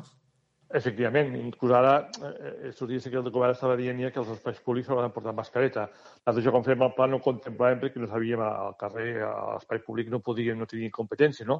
Però sí que havíem acordat dintre d'aquest pla tot el sector de la restauració que al restaurant seria obligatori anar amb mascareta. Al moment de menjar te l'havies de treure, però al circular per anar al servei o al moment d'entrar al restaurant o al moment de passejar-te pel restaurant havies d'anar amb mascareta. Eh, per tant, eh, tot això, com dius tu, dona més seguretat al ciutadà que ens visitarà i també al propi ciutadà de l'Ampolla. I jo crec que la gent que vindrà vindrà amb més tranquil·litat, no? I, per tant, eh, per aquest motiu fem aquest pla per a que la gent, el turista, estigui al més eh, tranquil com a les vacances, no? És a dir, no tindre la preocupació que hem tingut aquests dies, aquests mesos, tota la ciutadania del que podia passar, no? Pues, com a mínim se sap que estan fent les mesures adients al nostre poble pues, el turista gaudirà de les seves vacances amb molta més tranquil·litat. Com s'ha pres el poble de l'Ampolla, el sector comercial, el sector de la restauració important al municipi, mm, que s'hagin d'aplicar aquestes mesures, alcalde? I jo la veritat que estic molt content perquè ho han acceptat molt i ho han fet molt seu. I a part que el projecte que va iniciar des de l'Ajuntament i des de l'Associació d'Empresaris de l'Ampolla se l'han fet seu molt ràpidament i la prova ha sigut que la implicació en les xerrades, en les reunions per a, per a participar al moment de repartir aquests lots, on estaven ja les mascaretes i gel per a tots els establiments que formen part del pla, la veritat que és molt content de, de com ha anat i com ha anat satisfet. Eh, una altra cosa, alcalde, vostès a l'Ampolla eh, no han hagut de tenir les eh, mesures diguéssim, de, de control amb franges horàries que s'han fet en altres municipis per tenir primer menys de 5.000 habitants, etc etc. Per tant, és a dir, això també, diguéssim, que ha donat un respir a la població, no? Sí, molt, ha anat molt bé perquè el fet de poder sortir al llarg de tot el dia també evitava potser les aglomeracions de sortir a unes hores determinades, el qual vol dir que la gent podia sortir al llarg del dia i tampoc no s'han vist aquestes aglomeracions que s'han pogut veure a altres llocs. No? Per tant, sí, molt contents i molt satisfet de que en aquest cas, al ser eh, menys de 5.000 habitants, ens hagi pogut beneficiar. Precisament avui es publica en el butlletí oficial de l'Estat, diguéssim que una altra relaxació de la fase 1, eh, en quan, per posar un exemple, es poden acudir a temples eh, religiosos, per exemple, es poden fer velatoris eh, amb fins a 25 persones si són a l'aire lliure, eh, ja es pot accedir dins els bars i restaurants, evidentment, amb certes limitacions. Clar, tots aquests temes suposo que són temes que, que, que des d'avui, diguéssim que la gent ja estava esperant, no? Sí, home, la gent estava esperant perquè, com te dia, hem estat parlant allò de la conversa, la gent ha passat sigut mesos molt complicats, no? No solament per al sector de la restricció del comerç, no? per, a, per la població en general, també la gent que ha tingut que a, a l'atur i la gent que, petits autònoms, que també han baixat la seva, la seva activitat, no? Però en el cas de l'ampolla, claro, el nostre motor econòmic és el turisme, per tant, aquí el sector que més està afectat i que per això estem ja satisfets de que això vagi millorant i que sobretot, clar, que el més important és la salut de les persones. O sigui, va millorant perquè, afortunadament, les, morts van baixant i els contagis també, no? Per tant, molt contents i satisfets de que d'aquesta apertura, d'aquestes millores que vagin fent ara en aquests moments dintre de la fase 1, que on estem, i encara suposo que contemplaran algunes millores o algunes més llibertats de cara a, a, a, al dilluns si entrem a, a la fase, no? a la fase 2, no?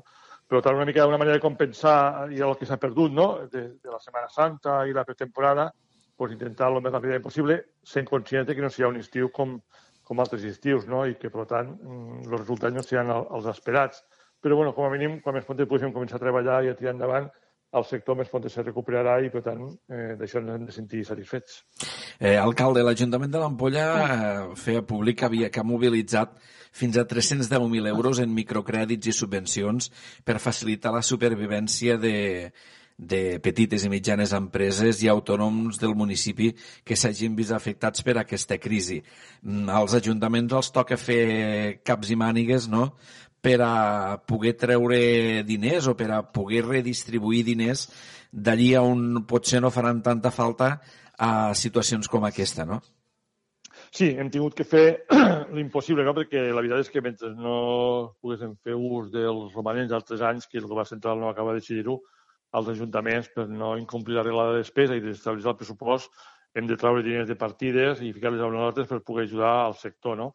I per això vam decidir eh, modificar algunes, o el pressupost, una, una gran part del pressupost, i també eh, acompanyar això a, a, a l'aplaçament de, de, del cobrament de taxes i impostos. Des que es va declarar l'estat d'alerta, l'Ajuntament no ha cobrat cap taxa ni cap impost. Ni el rebut de l'aigua s'ha ficat al cobro fins a finals de maig, principi de juny, que es ficarà el primer trimestre al cobro ja, una vegada ja eh, estan en, més en funcionament tot el sector. No? Eh, la veritat és que sí, per això vam decidir fer aquesta línia de subvencions i aquesta línia de microcrèdits als sectors més afectats. De quina manera es distribuiran, s'estructuraran aquests microcrèdits i aquestes subvencions, alcalde? Sí, d'entrada, eh, en quant a les subvencions, que com a tal com tal com diu la paraula, una subvenció a fons perdut, que s'ha de justificar amb despeses que s'han tingut que dur a terme, autònoms, eh, rebut de llum, lloguer de local, això s'ha de justificar. Eh, els establiments dintre de... de en, en, en les activitats empresarials més afectades, no tothom, no? però hem fet eh, destinat una partida de 60.000 euros en el qual cada establiment que es pugui acollir, que complixi amb aquests requisits i presenti la documentació dient eh, podran rebre 400 euros per cada un dels establiments que es presentin a, a aquestes bases. I en quant als microcrèdits, hem destinat a partir de 250.000 euros, en el qual també les empreses, autònomos, eh, comerços podran eh, de, demanar un microcrèdit a l'Ajuntament de fins a un màxim de 2.000 euros, això sí a elecció de cada, de cada establiment o de cada autònom, en el qual s'haurà de tornar en dos anys, en quatre mensuals, i eh, a interessos zero. És a dir, no hi haurà cap tipus d'interès, és a dir, aquella persona que demanarà 1.500 euros haurà de tornar els 1.500 euros sense cap tipus d'interès. Eh, hi ha un altre tema que també vostè comentava, home, a la població vivim molt del turisme, el sector restauració és important, eh, comentava, de moment no s'han cobrat taxes, eh, hi haurà reducció de taxes per, a, per exemple, pels bars i restaurants, per les terrasses, i també segurament hi haurà potser també flexibilitat a l'hora de que aquestes terrasses es puguin ampliar? Sí, Eh, nosaltres ara ja hem parlat amb tot el sector i hi va fer un ple per aprovar-ho, és a dir, la taxa d'ocupació de, de la via pública, tant a terrasses com a comerços, eh, només se cobrarà de l'1 de gener fins al dia 11 o 14 o 15 de març que es va declarar l'estat d'alerta, per tant només pagaran dos mesos i mig, i la resta de l'any des de aquest dia fins al 31 de desembre serà gratuït. Al mateix temps hem obert ja un plaç de sol·licituds d'ampliació de terrassa, també amb el mateix cas a cost zero, que eh, se va iniciar eh, dijous, ahir, perquè vam fer la reunió aquest dimecres, i la gent podrà sol·licitar eh, ampliació de terrasses, llavors l'Ajuntament estudiarà que no afecti a segons quines zones pel trànsit, i al mateix temps també inclús, de moment, estem acabant d'enllestir el pla, divendres, dissabte i diumenge hi haurà unes zones peatonalitzades per a que la, els restaurants puguen eh, ampliar aquesta petició que faran de terrasses per a poder-ne eh, guardar les distàncies i intentar, com no, pues, recuperar, com dèiem abans, no? tot allò perdut si és que es pot fer podem recuperar encara alguna cosa, no? però efectivament hi haurà, eh, només se cobrarà dos mesos, o dos mesos i mig de la cooperació de la via pública i s'ampliaran les terrasses en la mesura del possible en zones peatonalitzades sense cap cost. Al mateix temps també, com no, no a, a, els sectors que han estat tancats eh, se, no se'ls cobrarà la part proporcional dels mesos tancats en quant al rebut de basures i al mercat setmanal tampoc no se'ls cobrarà a les parades la part proporcional del temps que han estat tancats. Clar, eh, aquestes són mesures eh, que, que, que s'alvinen importants pel sector, sobretot davant d'un estiu que vostè considerava complicat. Vostès ja han manifestat o ja van, ja van anunciar que se suspenien les festes de Sant Joan, que eren d'alguna manera l'inici de la temporada estival a l'Ampolla. Eh, caldrà veure com es desenvolupa aquest inici, però però sobretot els comerços, els municipis necessiten, necessiten confiança, no? Eh, sí, efectivament, és el que hem de dir, no? Eh, confiança en el sentit de que puguen tindre aplaçament de, de, de pagament de taxes i, i d'impostos, de que puguin ampliar la seva oferta i pugui així rentabilitzar més eh, el seu negoci davant del que ha passat i després també eh, aquella confiança que, com el que dius tu ara, no, de, eh, les festes de Sant Joan s'han tingut que suspendre, tot això pot a molta gent perquè som un lloc on tenim molta turisme, és una residència, eh, parlem de Sant Joan, parlem del Carme, parlem de la màgica, parlem de, de moltes més activitats que segurament que tampoc no es podran fer perquè s'hauran de guardar distàncies i aquestes activitats tan multitudinàries suposa que tampoc no es faran. Per tant, el que han de fer també des de l'Ajuntament és intentar buscar aquelles actuacions, aquelles accions o aquelles activitats culturals, lúdiques o esportives que puguen com no, amenitzar a, a, a, als turistes i als ciutadans i així eh, donar més vida a, a la restauració, al comerç i, i a tothom. No? Per tant, eh, buscarem com fer-ho perquè, com dia abans, eh, eh, si, si destinem aquests diners eh, a, a ajudar les empreses i als comerços i deixem d'ingressar tota una sèrie de, de, de taxes i impostos que estem rebaixant, eh, això el que necessitem als ajuntaments és que des del govern central, com no, ens donin eh, eh, aquesta facilitat de poder utilitzar el romanent que potser tenim i que no podem utilitzar en, en aquests moments. No? I si tu que deixes d'ingressar i al mateix temps eh, fas ajudes, el pressupost se, desequilibra. No? Per tant, el que estem demanant dels ajuntaments és que el govern central, d'una vegada per totes, accepti que eh, poder fer-ne ús del romanent de tresoreria que tenim en la majoria dels ajuntaments. Francesc Carassa, alcalde de l'Ampolla, moltíssimes gràcies per atendre'ns. Que vagi bé. Gràcies a vosaltres. Bon dia. Francesc Carassa, alcalde de l'Ampolla, avui comentant-nos l'actualitat, un dia en el que, eh, pues, bueno, dins dels municipis en fase 1, amb densitats de menys de 100 habitants per quilòmetre quadrat, diguéssim que s'han flexibilitzat algunes de les mesures i recordant pues, també algunes de les decisions importants que s'han pres en aquest municipi del Baix Ebre, pues, com per exemple el fet de transformar-se en una destinació turística Covid-19 safe o l'habilitació de microcrèdits i subvencions per a pimes i autònoms. Ha estat el tema que hem tractat avui en aquesta secció de Poble a Poble.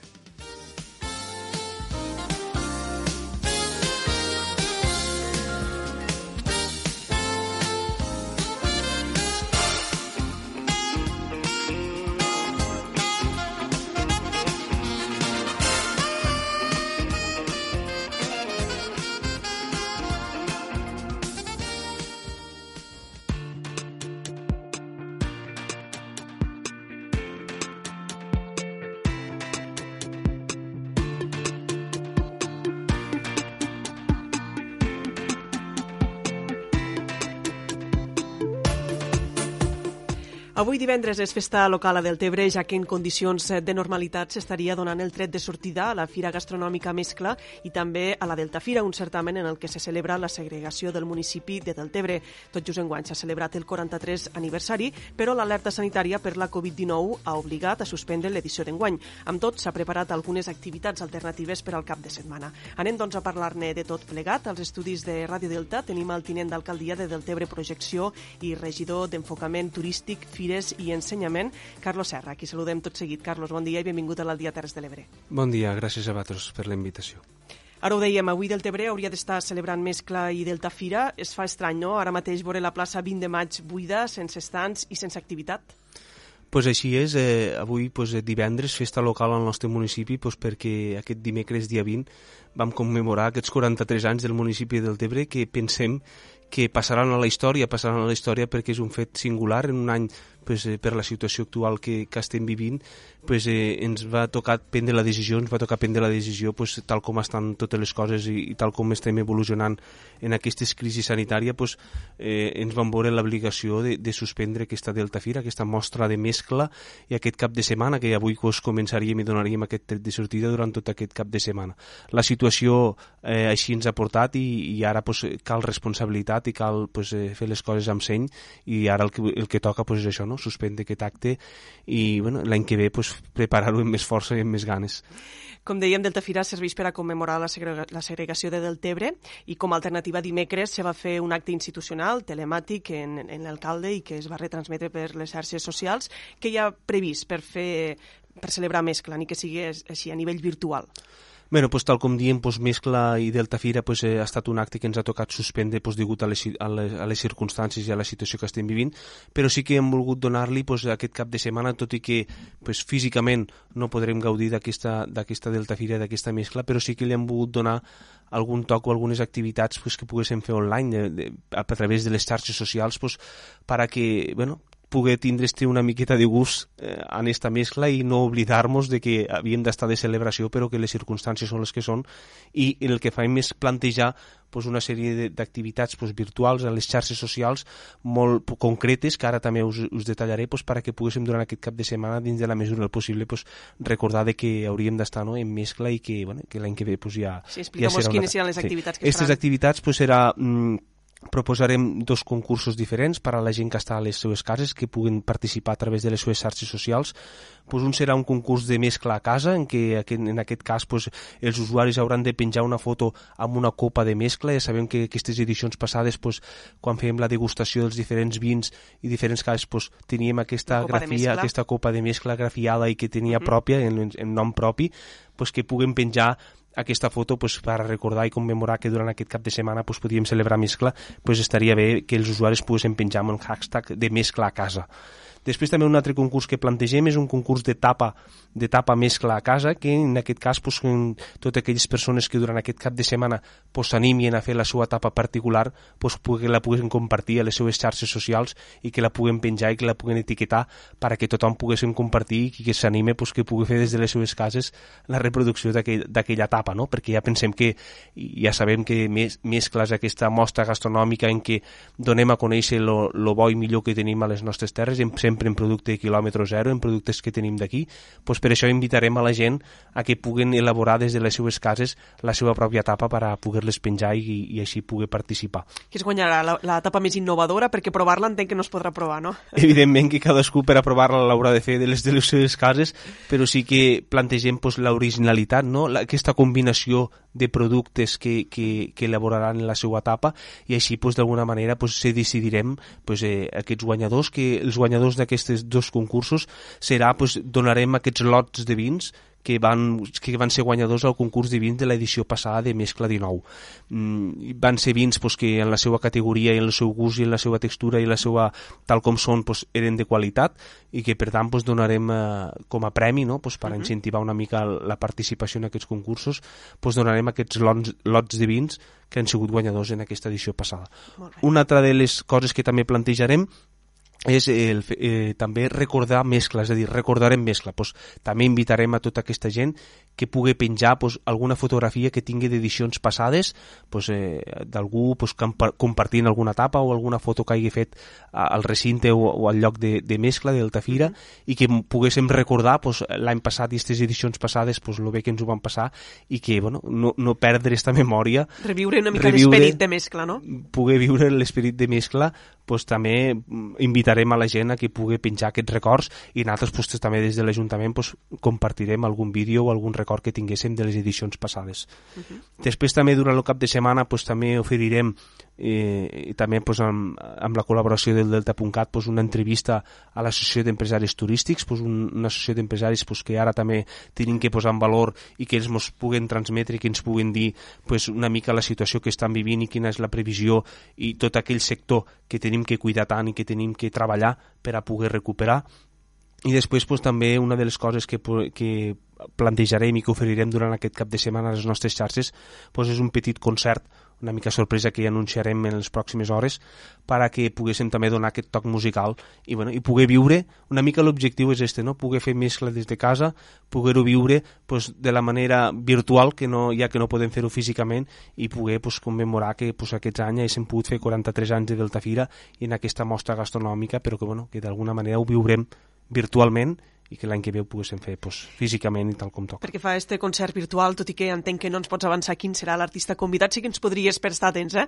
si se sap l'hora d'emissió i el dia. Sí, segurament que serà el, el diumenge a les 6 de la tarda, eh, que serà pues, eh, aquest, eh, aquesta petita actuació pues, que podrem gaudir eh, de les nostres cases pues, per a aquesta música també del territori i també música especial i un programa dedicat pues, a tota la gent del nostre municipi per a poder pues, bueno, eh, i també pues, concloure aquesta, aquesta cap de setmana i com no pues, també el discurs institucional o el discurs aquesta la intervenció del, de l'alcalde pues, també donant per finalitzat aquest cap de setmana virtual de mescla. Uh -huh.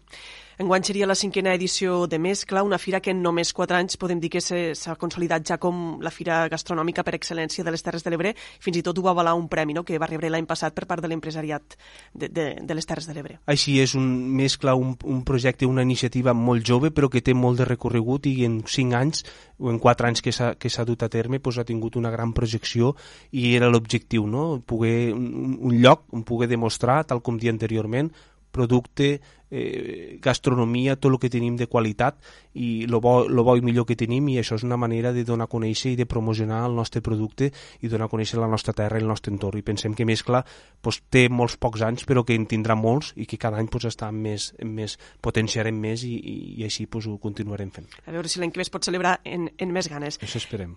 Eh, deixem de banda Mescla, una de les festes que també s'han anul·lat i que són importants a Deltebre són les festes de, tradicionals de l'arròs. Sembla que de moment moment la planta del juny ha quedat anul·lada.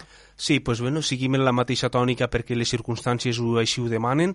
Pensem, mm, les festes de l'arròs, com sabem, concretament la plantada, doncs, són festes dedicades o, o amb l'objectiu de promocionar i d'ensenyar les tradicions que nosaltres tenim i que també és una de les festes que està enfocada al turisme eh, aquest col·lectiu pues, bueno, no sabem en quin moment ens podrem desplaçar, en quines garanties, en quines seguretats i per això pues, la decisió pues, pensem que ara és prudència i responsabilitat com diem i el que toca pues, és de moment aquesta festa de la plantada pues, també queda anul·lada i estem a l'espera de tot el que passarà a l'estiu i llavors pues, ens trobarem al setembre que és quan tenim que recollir aquest, aquest arròs que han plantat a veure si realment eh, podem, podem fer les, la festa de la cega en condicions. Però ja et dic, tot està molt a l'aire està tota l'expectativa de com evolucionaran aquestes fases i com anirà aquest estiu i quines són les recomanacions i, i aquelles restriccions i aquella normativa que ens ve doncs, de l'Estat i, i per a veure si ho podem desenvolupar o no. Precisament ara li anava a preguntar què passarà en la cega, no? perquè si no es planta no se cega, no sé si teniu previst ja, no? Este imprevist de, dir, de poder plantar igualment el quadre d'arròs que on normalment es fan les festes,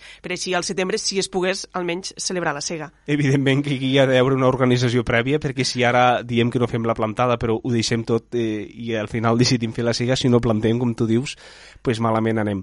Sí que està previst pues, esta logística interna per a poder dur a terme pues, eh, tot això i poder fer el procés en cas que poguéssim fer la, la siga pues, que estigui en condicions i que l'arròs hagi madurat i que estigui ja per a poder-ho realitzar. Evidentment que també tenim la logística interna pues, eh, organitzada per a, per a en aquest cas Estem a les portes pràcticament d'una nova temporada turística. S'espera que el Delta de l'Ebre, un cop se permeta la mobilitat entre regions sanitàries, siga una de les destinacions més visitades este estiu. Quines previsions teniu? Heu parlat amb el col·lectiu turístic d'aquí de, de Deltebre? La veritat és que eh, estem d'una situació bastant difícil, bastant complicada, no cal dir a nivell de salut, que això és el principal i l'important, però també a nivell econòmic. I a més eh, a més, a més pues, al municipi del Tebre ja sabem que una de les activitats econòmiques o l'economia més important és el turisme. Un, un sector pues, que evidentment que ha quedat molt tocat i que tocarà molt tocat i que a més a més ens agafa les portes de la temporada alta, de l'estiu. I llavors pues, això fa que la situació sigui molt, molt crítica i que sigui pues, difícil. Evidentment que des del govern municipal municipal pues, som conscients d'aquesta situació, som conscients d'aquesta situació que ens vindrà, no la que estem vivint ara, sinó la que vindrà en els pròxims mesos. Sí que hem estat en contacte també en l'associació d'empresaris turístics pues, per a una mica de, de, de poder tindre un intercanvi d'opinions no? de quina manera podem afrontar aquesta situació tan difícil. Sí que, tal com tu dius, jo penso que en aquest cas juguem en avantatge perquè el Delta de l'Ebre, el nostre municipi, el nostre terme municipal, el nostre, el nostre paisatge, el nostre parc natural, això tenim molts de punts a favor, ja que aquesta setmana passada estava mirant concretament doncs, unes estadístiques i uns informes que ens arribaven de la Direcció General de Turisme i la veritat és que els vents ens van tots a favor, en el sentit de que, doncs, tal com diem, que la gent, doncs, eh, al moment que pugui sortir una mica de les seues cases i pugui respirar aire pur, doncs, buscarà aquests llocs, aquests llocs de parc naturals, llocs eh, en què hi hagi molta, molt d'eixam, molta amplitud... Poca massificació. Poca massificació, i penso que hi pensem que aquests requisits nosaltres els tenim tots. Per tant, el que hem de fer és saber vendre, saber més que mai, a pesar que el Delta de l'Ebre ja era un dels jocs pues, preferits o un dels jocs que, era, que estava de moda, per així dir-ho, i això ho hem de saber aprofitar, és a dir, en aquests moments doncs, hem de saber quines són les directrius clares, hem de saber, saber vendre doncs, tot això que és el que buscarà el client, que buscarà el turisme i a partir d'aquí doncs, una de les coses que també estem treballant i que comença, estem ja començant a treballar per al moment oportú és aquesta campanya de promoció turística de Deltebre. Una campanya que penso que en aquesta campanya, en aquests vídeos de promoció, ha de ser els que ens ha d'ajudar a mostrar doncs, tot allò que tenim, no? paisatge, eh, que no hi ha massificació, que tenim una gastronomia excel·lent i que tenim unes platges pues, que, si, que si tot va bé pues, també estaran en les condicions després de que venim d'un temporal glòria que també ha estat molt perjudicat, és a dir, ja veníem d'una situació crítica i a més a més en la situació del, del, del Covid. Però sí que treballarem i estem treballant en tota en totes les nostres forces i en totes les nostres eh, a disposició per a que tot això poguéssim pal·liar eh, al menys possible pues, tot aquesta, aquest efecte econòmic i, i sobretot en el sector turístic. L'enfocament turístic és també un dels pilars del Pla de Reactivació Socioeconòmica que ha aprovat l'Ajuntament de Deltebre, que contempla un total de 50 accions eh, per a dinamitzar l'economia i accions de suport a les famílies. Pel que fa a l'enfocament turístic, quines seran les principals accions que es duran a terme? Sí, tal com dius tu, un pla de reactivació socioeconòmica que vam aprovar al passat ple del 29 d'abril, un, un pla, com diem, de 50 accions, que no ara ve el cas de parlar-ne, però sí que parlarem i voldria exposar-te eh, concretament amb el sector turístic quines són aquestes accions. No? Jo penso que aquest pla té moltes accions, té 50, com diem, però tres importantíssimes que serien les que, les que acompanyaran o les que haurien de, de dir al sector del turisme. Una seria, eh, la, una acció que hi ha en aquest pla, seria la redacció del pla d'enfocament turístic i econòmic. És a dir, eh, serà important que de, en aquests pròxims anys eh, del Tebre haurem de caminar amb un full de ruta econòmic que genere consens i que ens permeti doncs, d'alguna manera seguir avançant com a municipi. Això què voldrà dir?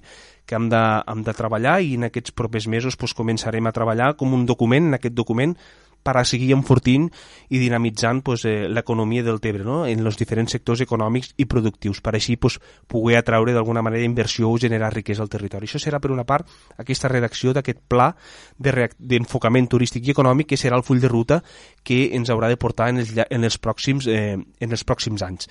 Una de les accions és aquesta que et comentava abans, la campanya de promoció turística del Debre, que estem treballant ja per, al moment oportú, poder traure i poder sortir aquesta campanya que pugui mostrar eh, tot el bo que tenim per a que poguéssim atraure el turisme, sobretot aquest turisme de proximitat, que serà el que realment se podrà manejar, el turisme a nivell de català i a nivell de tot l'Estat.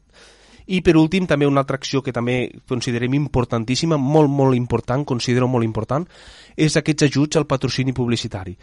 Recordem que actualment, abans d'aquesta situació, eh, el govern, el nostre govern ja en l'anterior legislatura ja va fer per primera vegada, va crear aquests, aquestes bases d'ajuts al patrocini publicitari.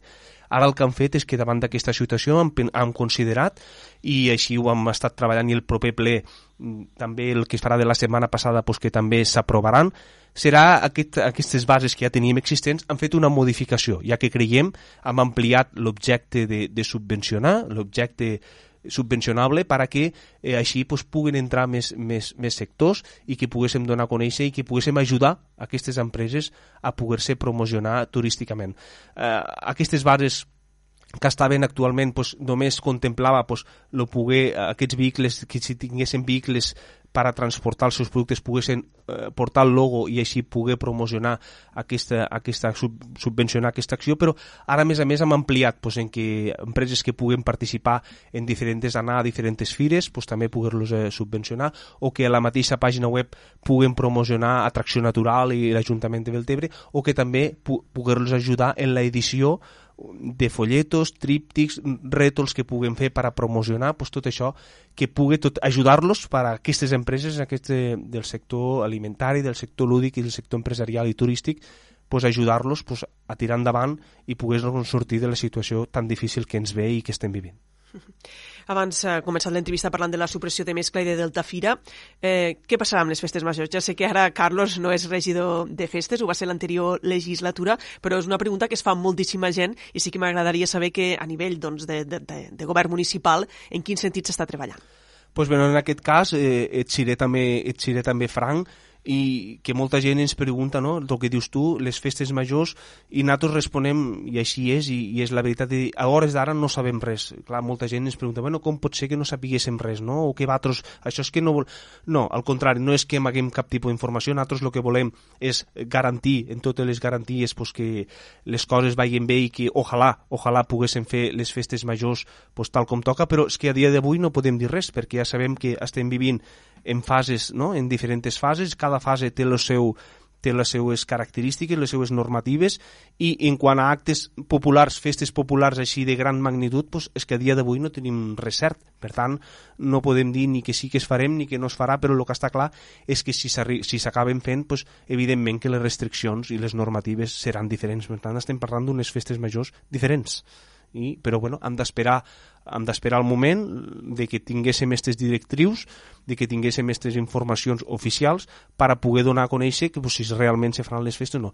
Sí que val a dir que la sensació general de la població pues, és que tothom és conscient de que estem vivint una situació diferent i que si realment pues, no es tenen que fer festes, pues, jo crec que al final ho acceptarem com ho hem d'acceptar perquè primer és la salut i, ens hem d'adaptar a lo que hi ha. No? Però ja et dic, a hores d'ara no tenim res clar de com se desenvoluparan les festes, eh, si realment se podran fer o a la millor seran de format reduït o s'hauran de restringir segons quins actes. És a dir, encara no ho sabem. Estarem doncs pendents de, de com seran aquestes festes majors. Cal dir que Carlos Serres també és regidor d'ensenyament. Tot just avui acaba el període de preinscripció escolar, que enguany s'ha fet telemàticament, tot i que també hi ha hagut l'opció de fer-la presencialment. Com ha anat l'experiència? Amb els centres ha anat tot bé, tot correcte, aquesta preinscripció telemàtica? La veritat és que des del primer moment que vam entrar en aquest estat d'alarma, nosaltres des de l'Ajuntament, jo en aquest cas també com a regidor d'ensenyament doncs hem estat en contacte directe amb les escoles, amb els, amb els directors, en reunions setmanals per a veure com evoluciona tot aquest fet, i ens han trobat doncs, dins d'aquesta situació, ens han trobat amb el tema de la preinscripció, una preinscripció, com tu dius, que ha acabat, ha acabat avui, doncs, bueno, la veritat és que ens ha tocat adaptar a la situació en aquesta, en aquesta preinscripció telemàtica i també doncs, en aquests últims dies, fins al dia d'avui, estava aquest, aquesta, aquesta preinscripció presencial. La veritat és que bueno, estàvem pendents de, de quina era l'evolució d'aquestes prescripcions. En principi ha anat tot, eh, tot correcte, al final pues, eh, alguns, algunes famílies pues, han tingut l'oportunitat de que si virtualment, pues, telemàticament no, no tenien algun tipus de problema, pues, també les, els, centres, els centres educatius pues, han estat a disposició amb aquestes cites prèvies per a poder-los atendre amb les màximes garanties i amb les màximes condicions per a poder al final finalitzar aquest procés de preinscripció. Per tant, ara podem dir que ja està finalitzat i ara pues, esperar aquest període en què pues, bueno, les puntuacions, eh, aquesta fase d'exposició de, pública d'aquests llistats provisionals per a poder passar a la definitiva i en acabat poder fer oficialment la, la matrícula i poder començar el curs. Si es compleixen les previsions de la preinscripció del Tebre recuperaria no, esta cinquena línia de P3 que es va perdre l'any passat al Col·legi de l'Assumpció per falta d'alumnat. Sí, tot i que enguany estem parlant de 108 alumnes que s'empadronen o que tenen la possibilitat d'empadronar, sempre hi ha casos pues, que a la millor canvien de, de, diguéssim, de municipi o que a la millor ja sabem que l'escolarització de P3 no és obliga... Mm, que l'escolarització no és obligada fins a primer, per tant això vol dir que algunes famílies pues, també decideixen pel seu criteri no, no preinscriure. Sí que les dades estan una mica justes en quant a... sí que ens van garantir aquesta cinquena línia de l'Assumpció, però tot i que esperem que, tal com marquen les situacions de que han de reduir ràtios i que han d'ampliar per la situació que estem vivint, doncs esperem que aquesta cinquena línia es pugui mantindre i que poguéssim tindre cinc línies tal com tocaven. Durant la crisi sanitària, també des de la regidoria d'ensenyament, des de l'Ajuntament, s'ha treballat per garantir la connectivitat dels alumnes i que poguessin seguir les classes telemàtiques. Sí, des d'un primer, des primer moment que nosaltres ja ens vam prestar i ens vam comprometre públicament i ens vam comprometre així amb els centres educatius de que nosaltres garantiríem aquesta equitat i que tot serien igual i que totes les famílies tinguessin aquesta connectivitat a les seues cases per a poder portar a terme aquest tercer trimestre virtual. Així ho han fet, el departament pues, va arribar estant arribat, nosaltres ja vam agafar el compromís de que el lliento no arribava al departament, nosaltres ho faríem i així ho hem estat fent, i bueno, eh, aquesta connectivitat i a més a més aquests packs socials que també hem iniciat des de l'Ajuntament, que ens han facilitat pues, per a aquells alumnes més necessitats, en què els CIR centres ens ho han fet saber, de fer-los arribar a les seues cases material físic per a poder desenvolupar amb més normalitat el seu treball. Pel que fa al pla de reobertura de les escoles, tinc constància que teniu poca informació encara, no?, de, de com s'anirà fent aquesta reobertura a partir de l'1 de juny. Aquesta setmana ha sortit, eh, va sortir el conseller amb aquest, eh, i ens han arribat aquesta documentació d'aquest pla de reobertura dels centres. Pues un tema complicat, cal aprofundir una mica aquesta informació, cal analitzar-la en detall perquè ha sigut pues, bueno, dit i fet i així a veure com podem eh, garantir aquesta, ja et dic, aquesta comunicació constant en els directors per a que pugui desenvolupar de la millor manera possible amb les màximes garanties, que això sí que ho tenim claríssim, per a poder seguir aquesta normativa que ens diu i poder reobrir els centres en les condicions i en el que ens diu. Bé, se'ns ha acabat el temps. Des d'aquí animem a la gent a viure més clar i que sigui de manera virtual este cap de setmana i a sumar-se a totes les iniciatives que ha organitzat l'Ajuntament de Deltebre.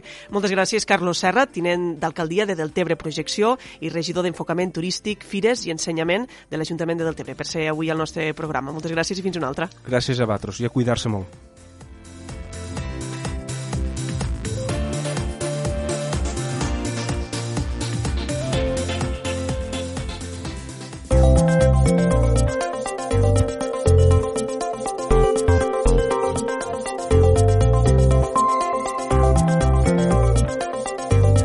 Divendres al dia Terres de l'Ebre tenim la col·laboració de Marc Duc. Endavant, Marc, quan vulgues.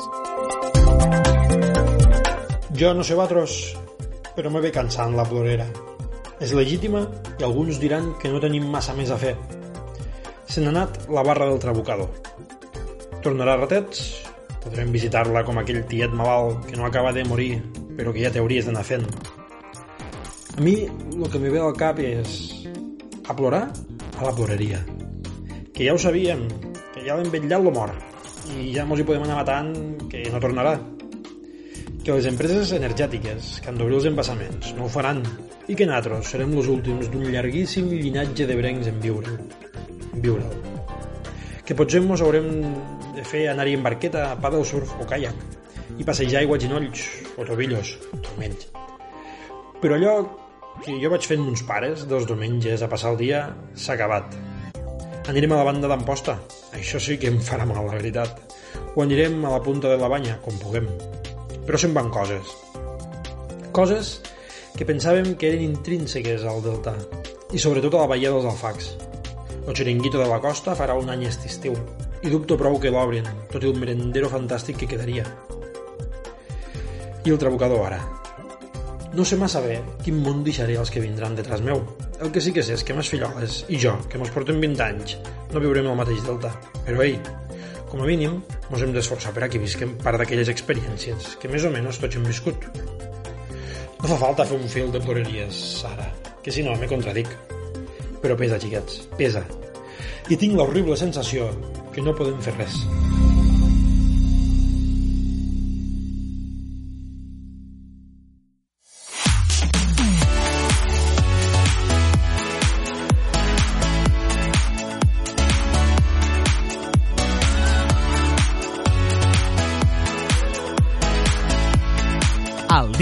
L'agenda de les Terres de l'Ebre. Temps ara al dia Terres de l'Ebre per repassar els actes del cap de setmana amb l'agenda. Anem en primer lloc a Tortosa. Clàudia Ruiz, bon dia.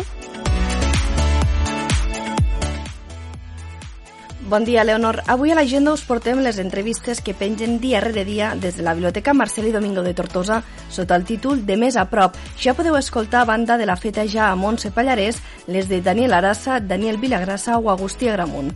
I des d'ahir ja podeu visitar el Museu de Tortosa on trobareu l'exposició permanent oberta i a partir de dimarts també la sala Antoni Garcia obrirà al públic amb l'exposició temporal Albert Fabà o la revolta permanent. Es podrà veure de manera individual o en grups de convivència, respectant les mesures d'higiene i seguretat. L'horari serà de dimarts a divendres, de 10 del matí a 1 i mitja i els dissabtes de 10 a 1 i mitja i també de 5 a 7 i mitja de la tarda. I acabem amb una proposta musical. Al perfil de YouTube de la xaranga Chino Chano trobareu un vídeo que han preparat durant aquests dies de confinament interpretant la cançó Resistiré. I per a complementar l'agenda, els expliquem que esta nit a les 10 tindrà lloc la prèvia telemàtica de la gala dels quintos i quintes del 2002 a Deltebre, un acte que es podrà seguir en directe pels canals de Facebook i YouTube de l'Ajuntament, així com a través del portal informatiu delta.cat. L'acte el conduiran dos estrelles de les xarxes socials del nostre poble, com són Paula Maioles, coneguda com Maioletes, i Aleix Casanova, i comptaran també amb la participació d'una tercera estrella, el còmic Albert Pagà.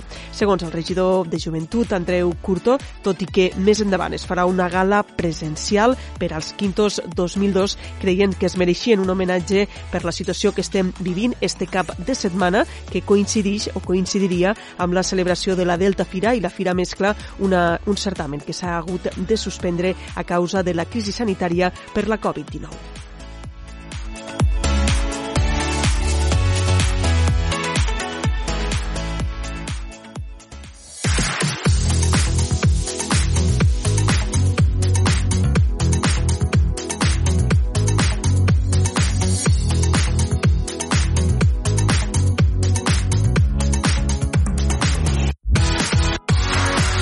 I ara ha arribat el moment a l'Aldia Terres de l'Ebre de posar el punt i final al programa d'avui. Ja saben que en la següent hora, de 3 a 4, els oferirem en reemissió l'informatiu de l'Aldia Terres de l'Ebre. Nosaltres tornem amb més informació, amb més contingut el pròxim dilluns. Que tinguin un molt bon cap de setmana i abans d'acabar els volem deixar amb una jota que ens han fet arribar des de l'escola Lo Planter de Tortosa. Que tinguin un molt bon cap de setmana.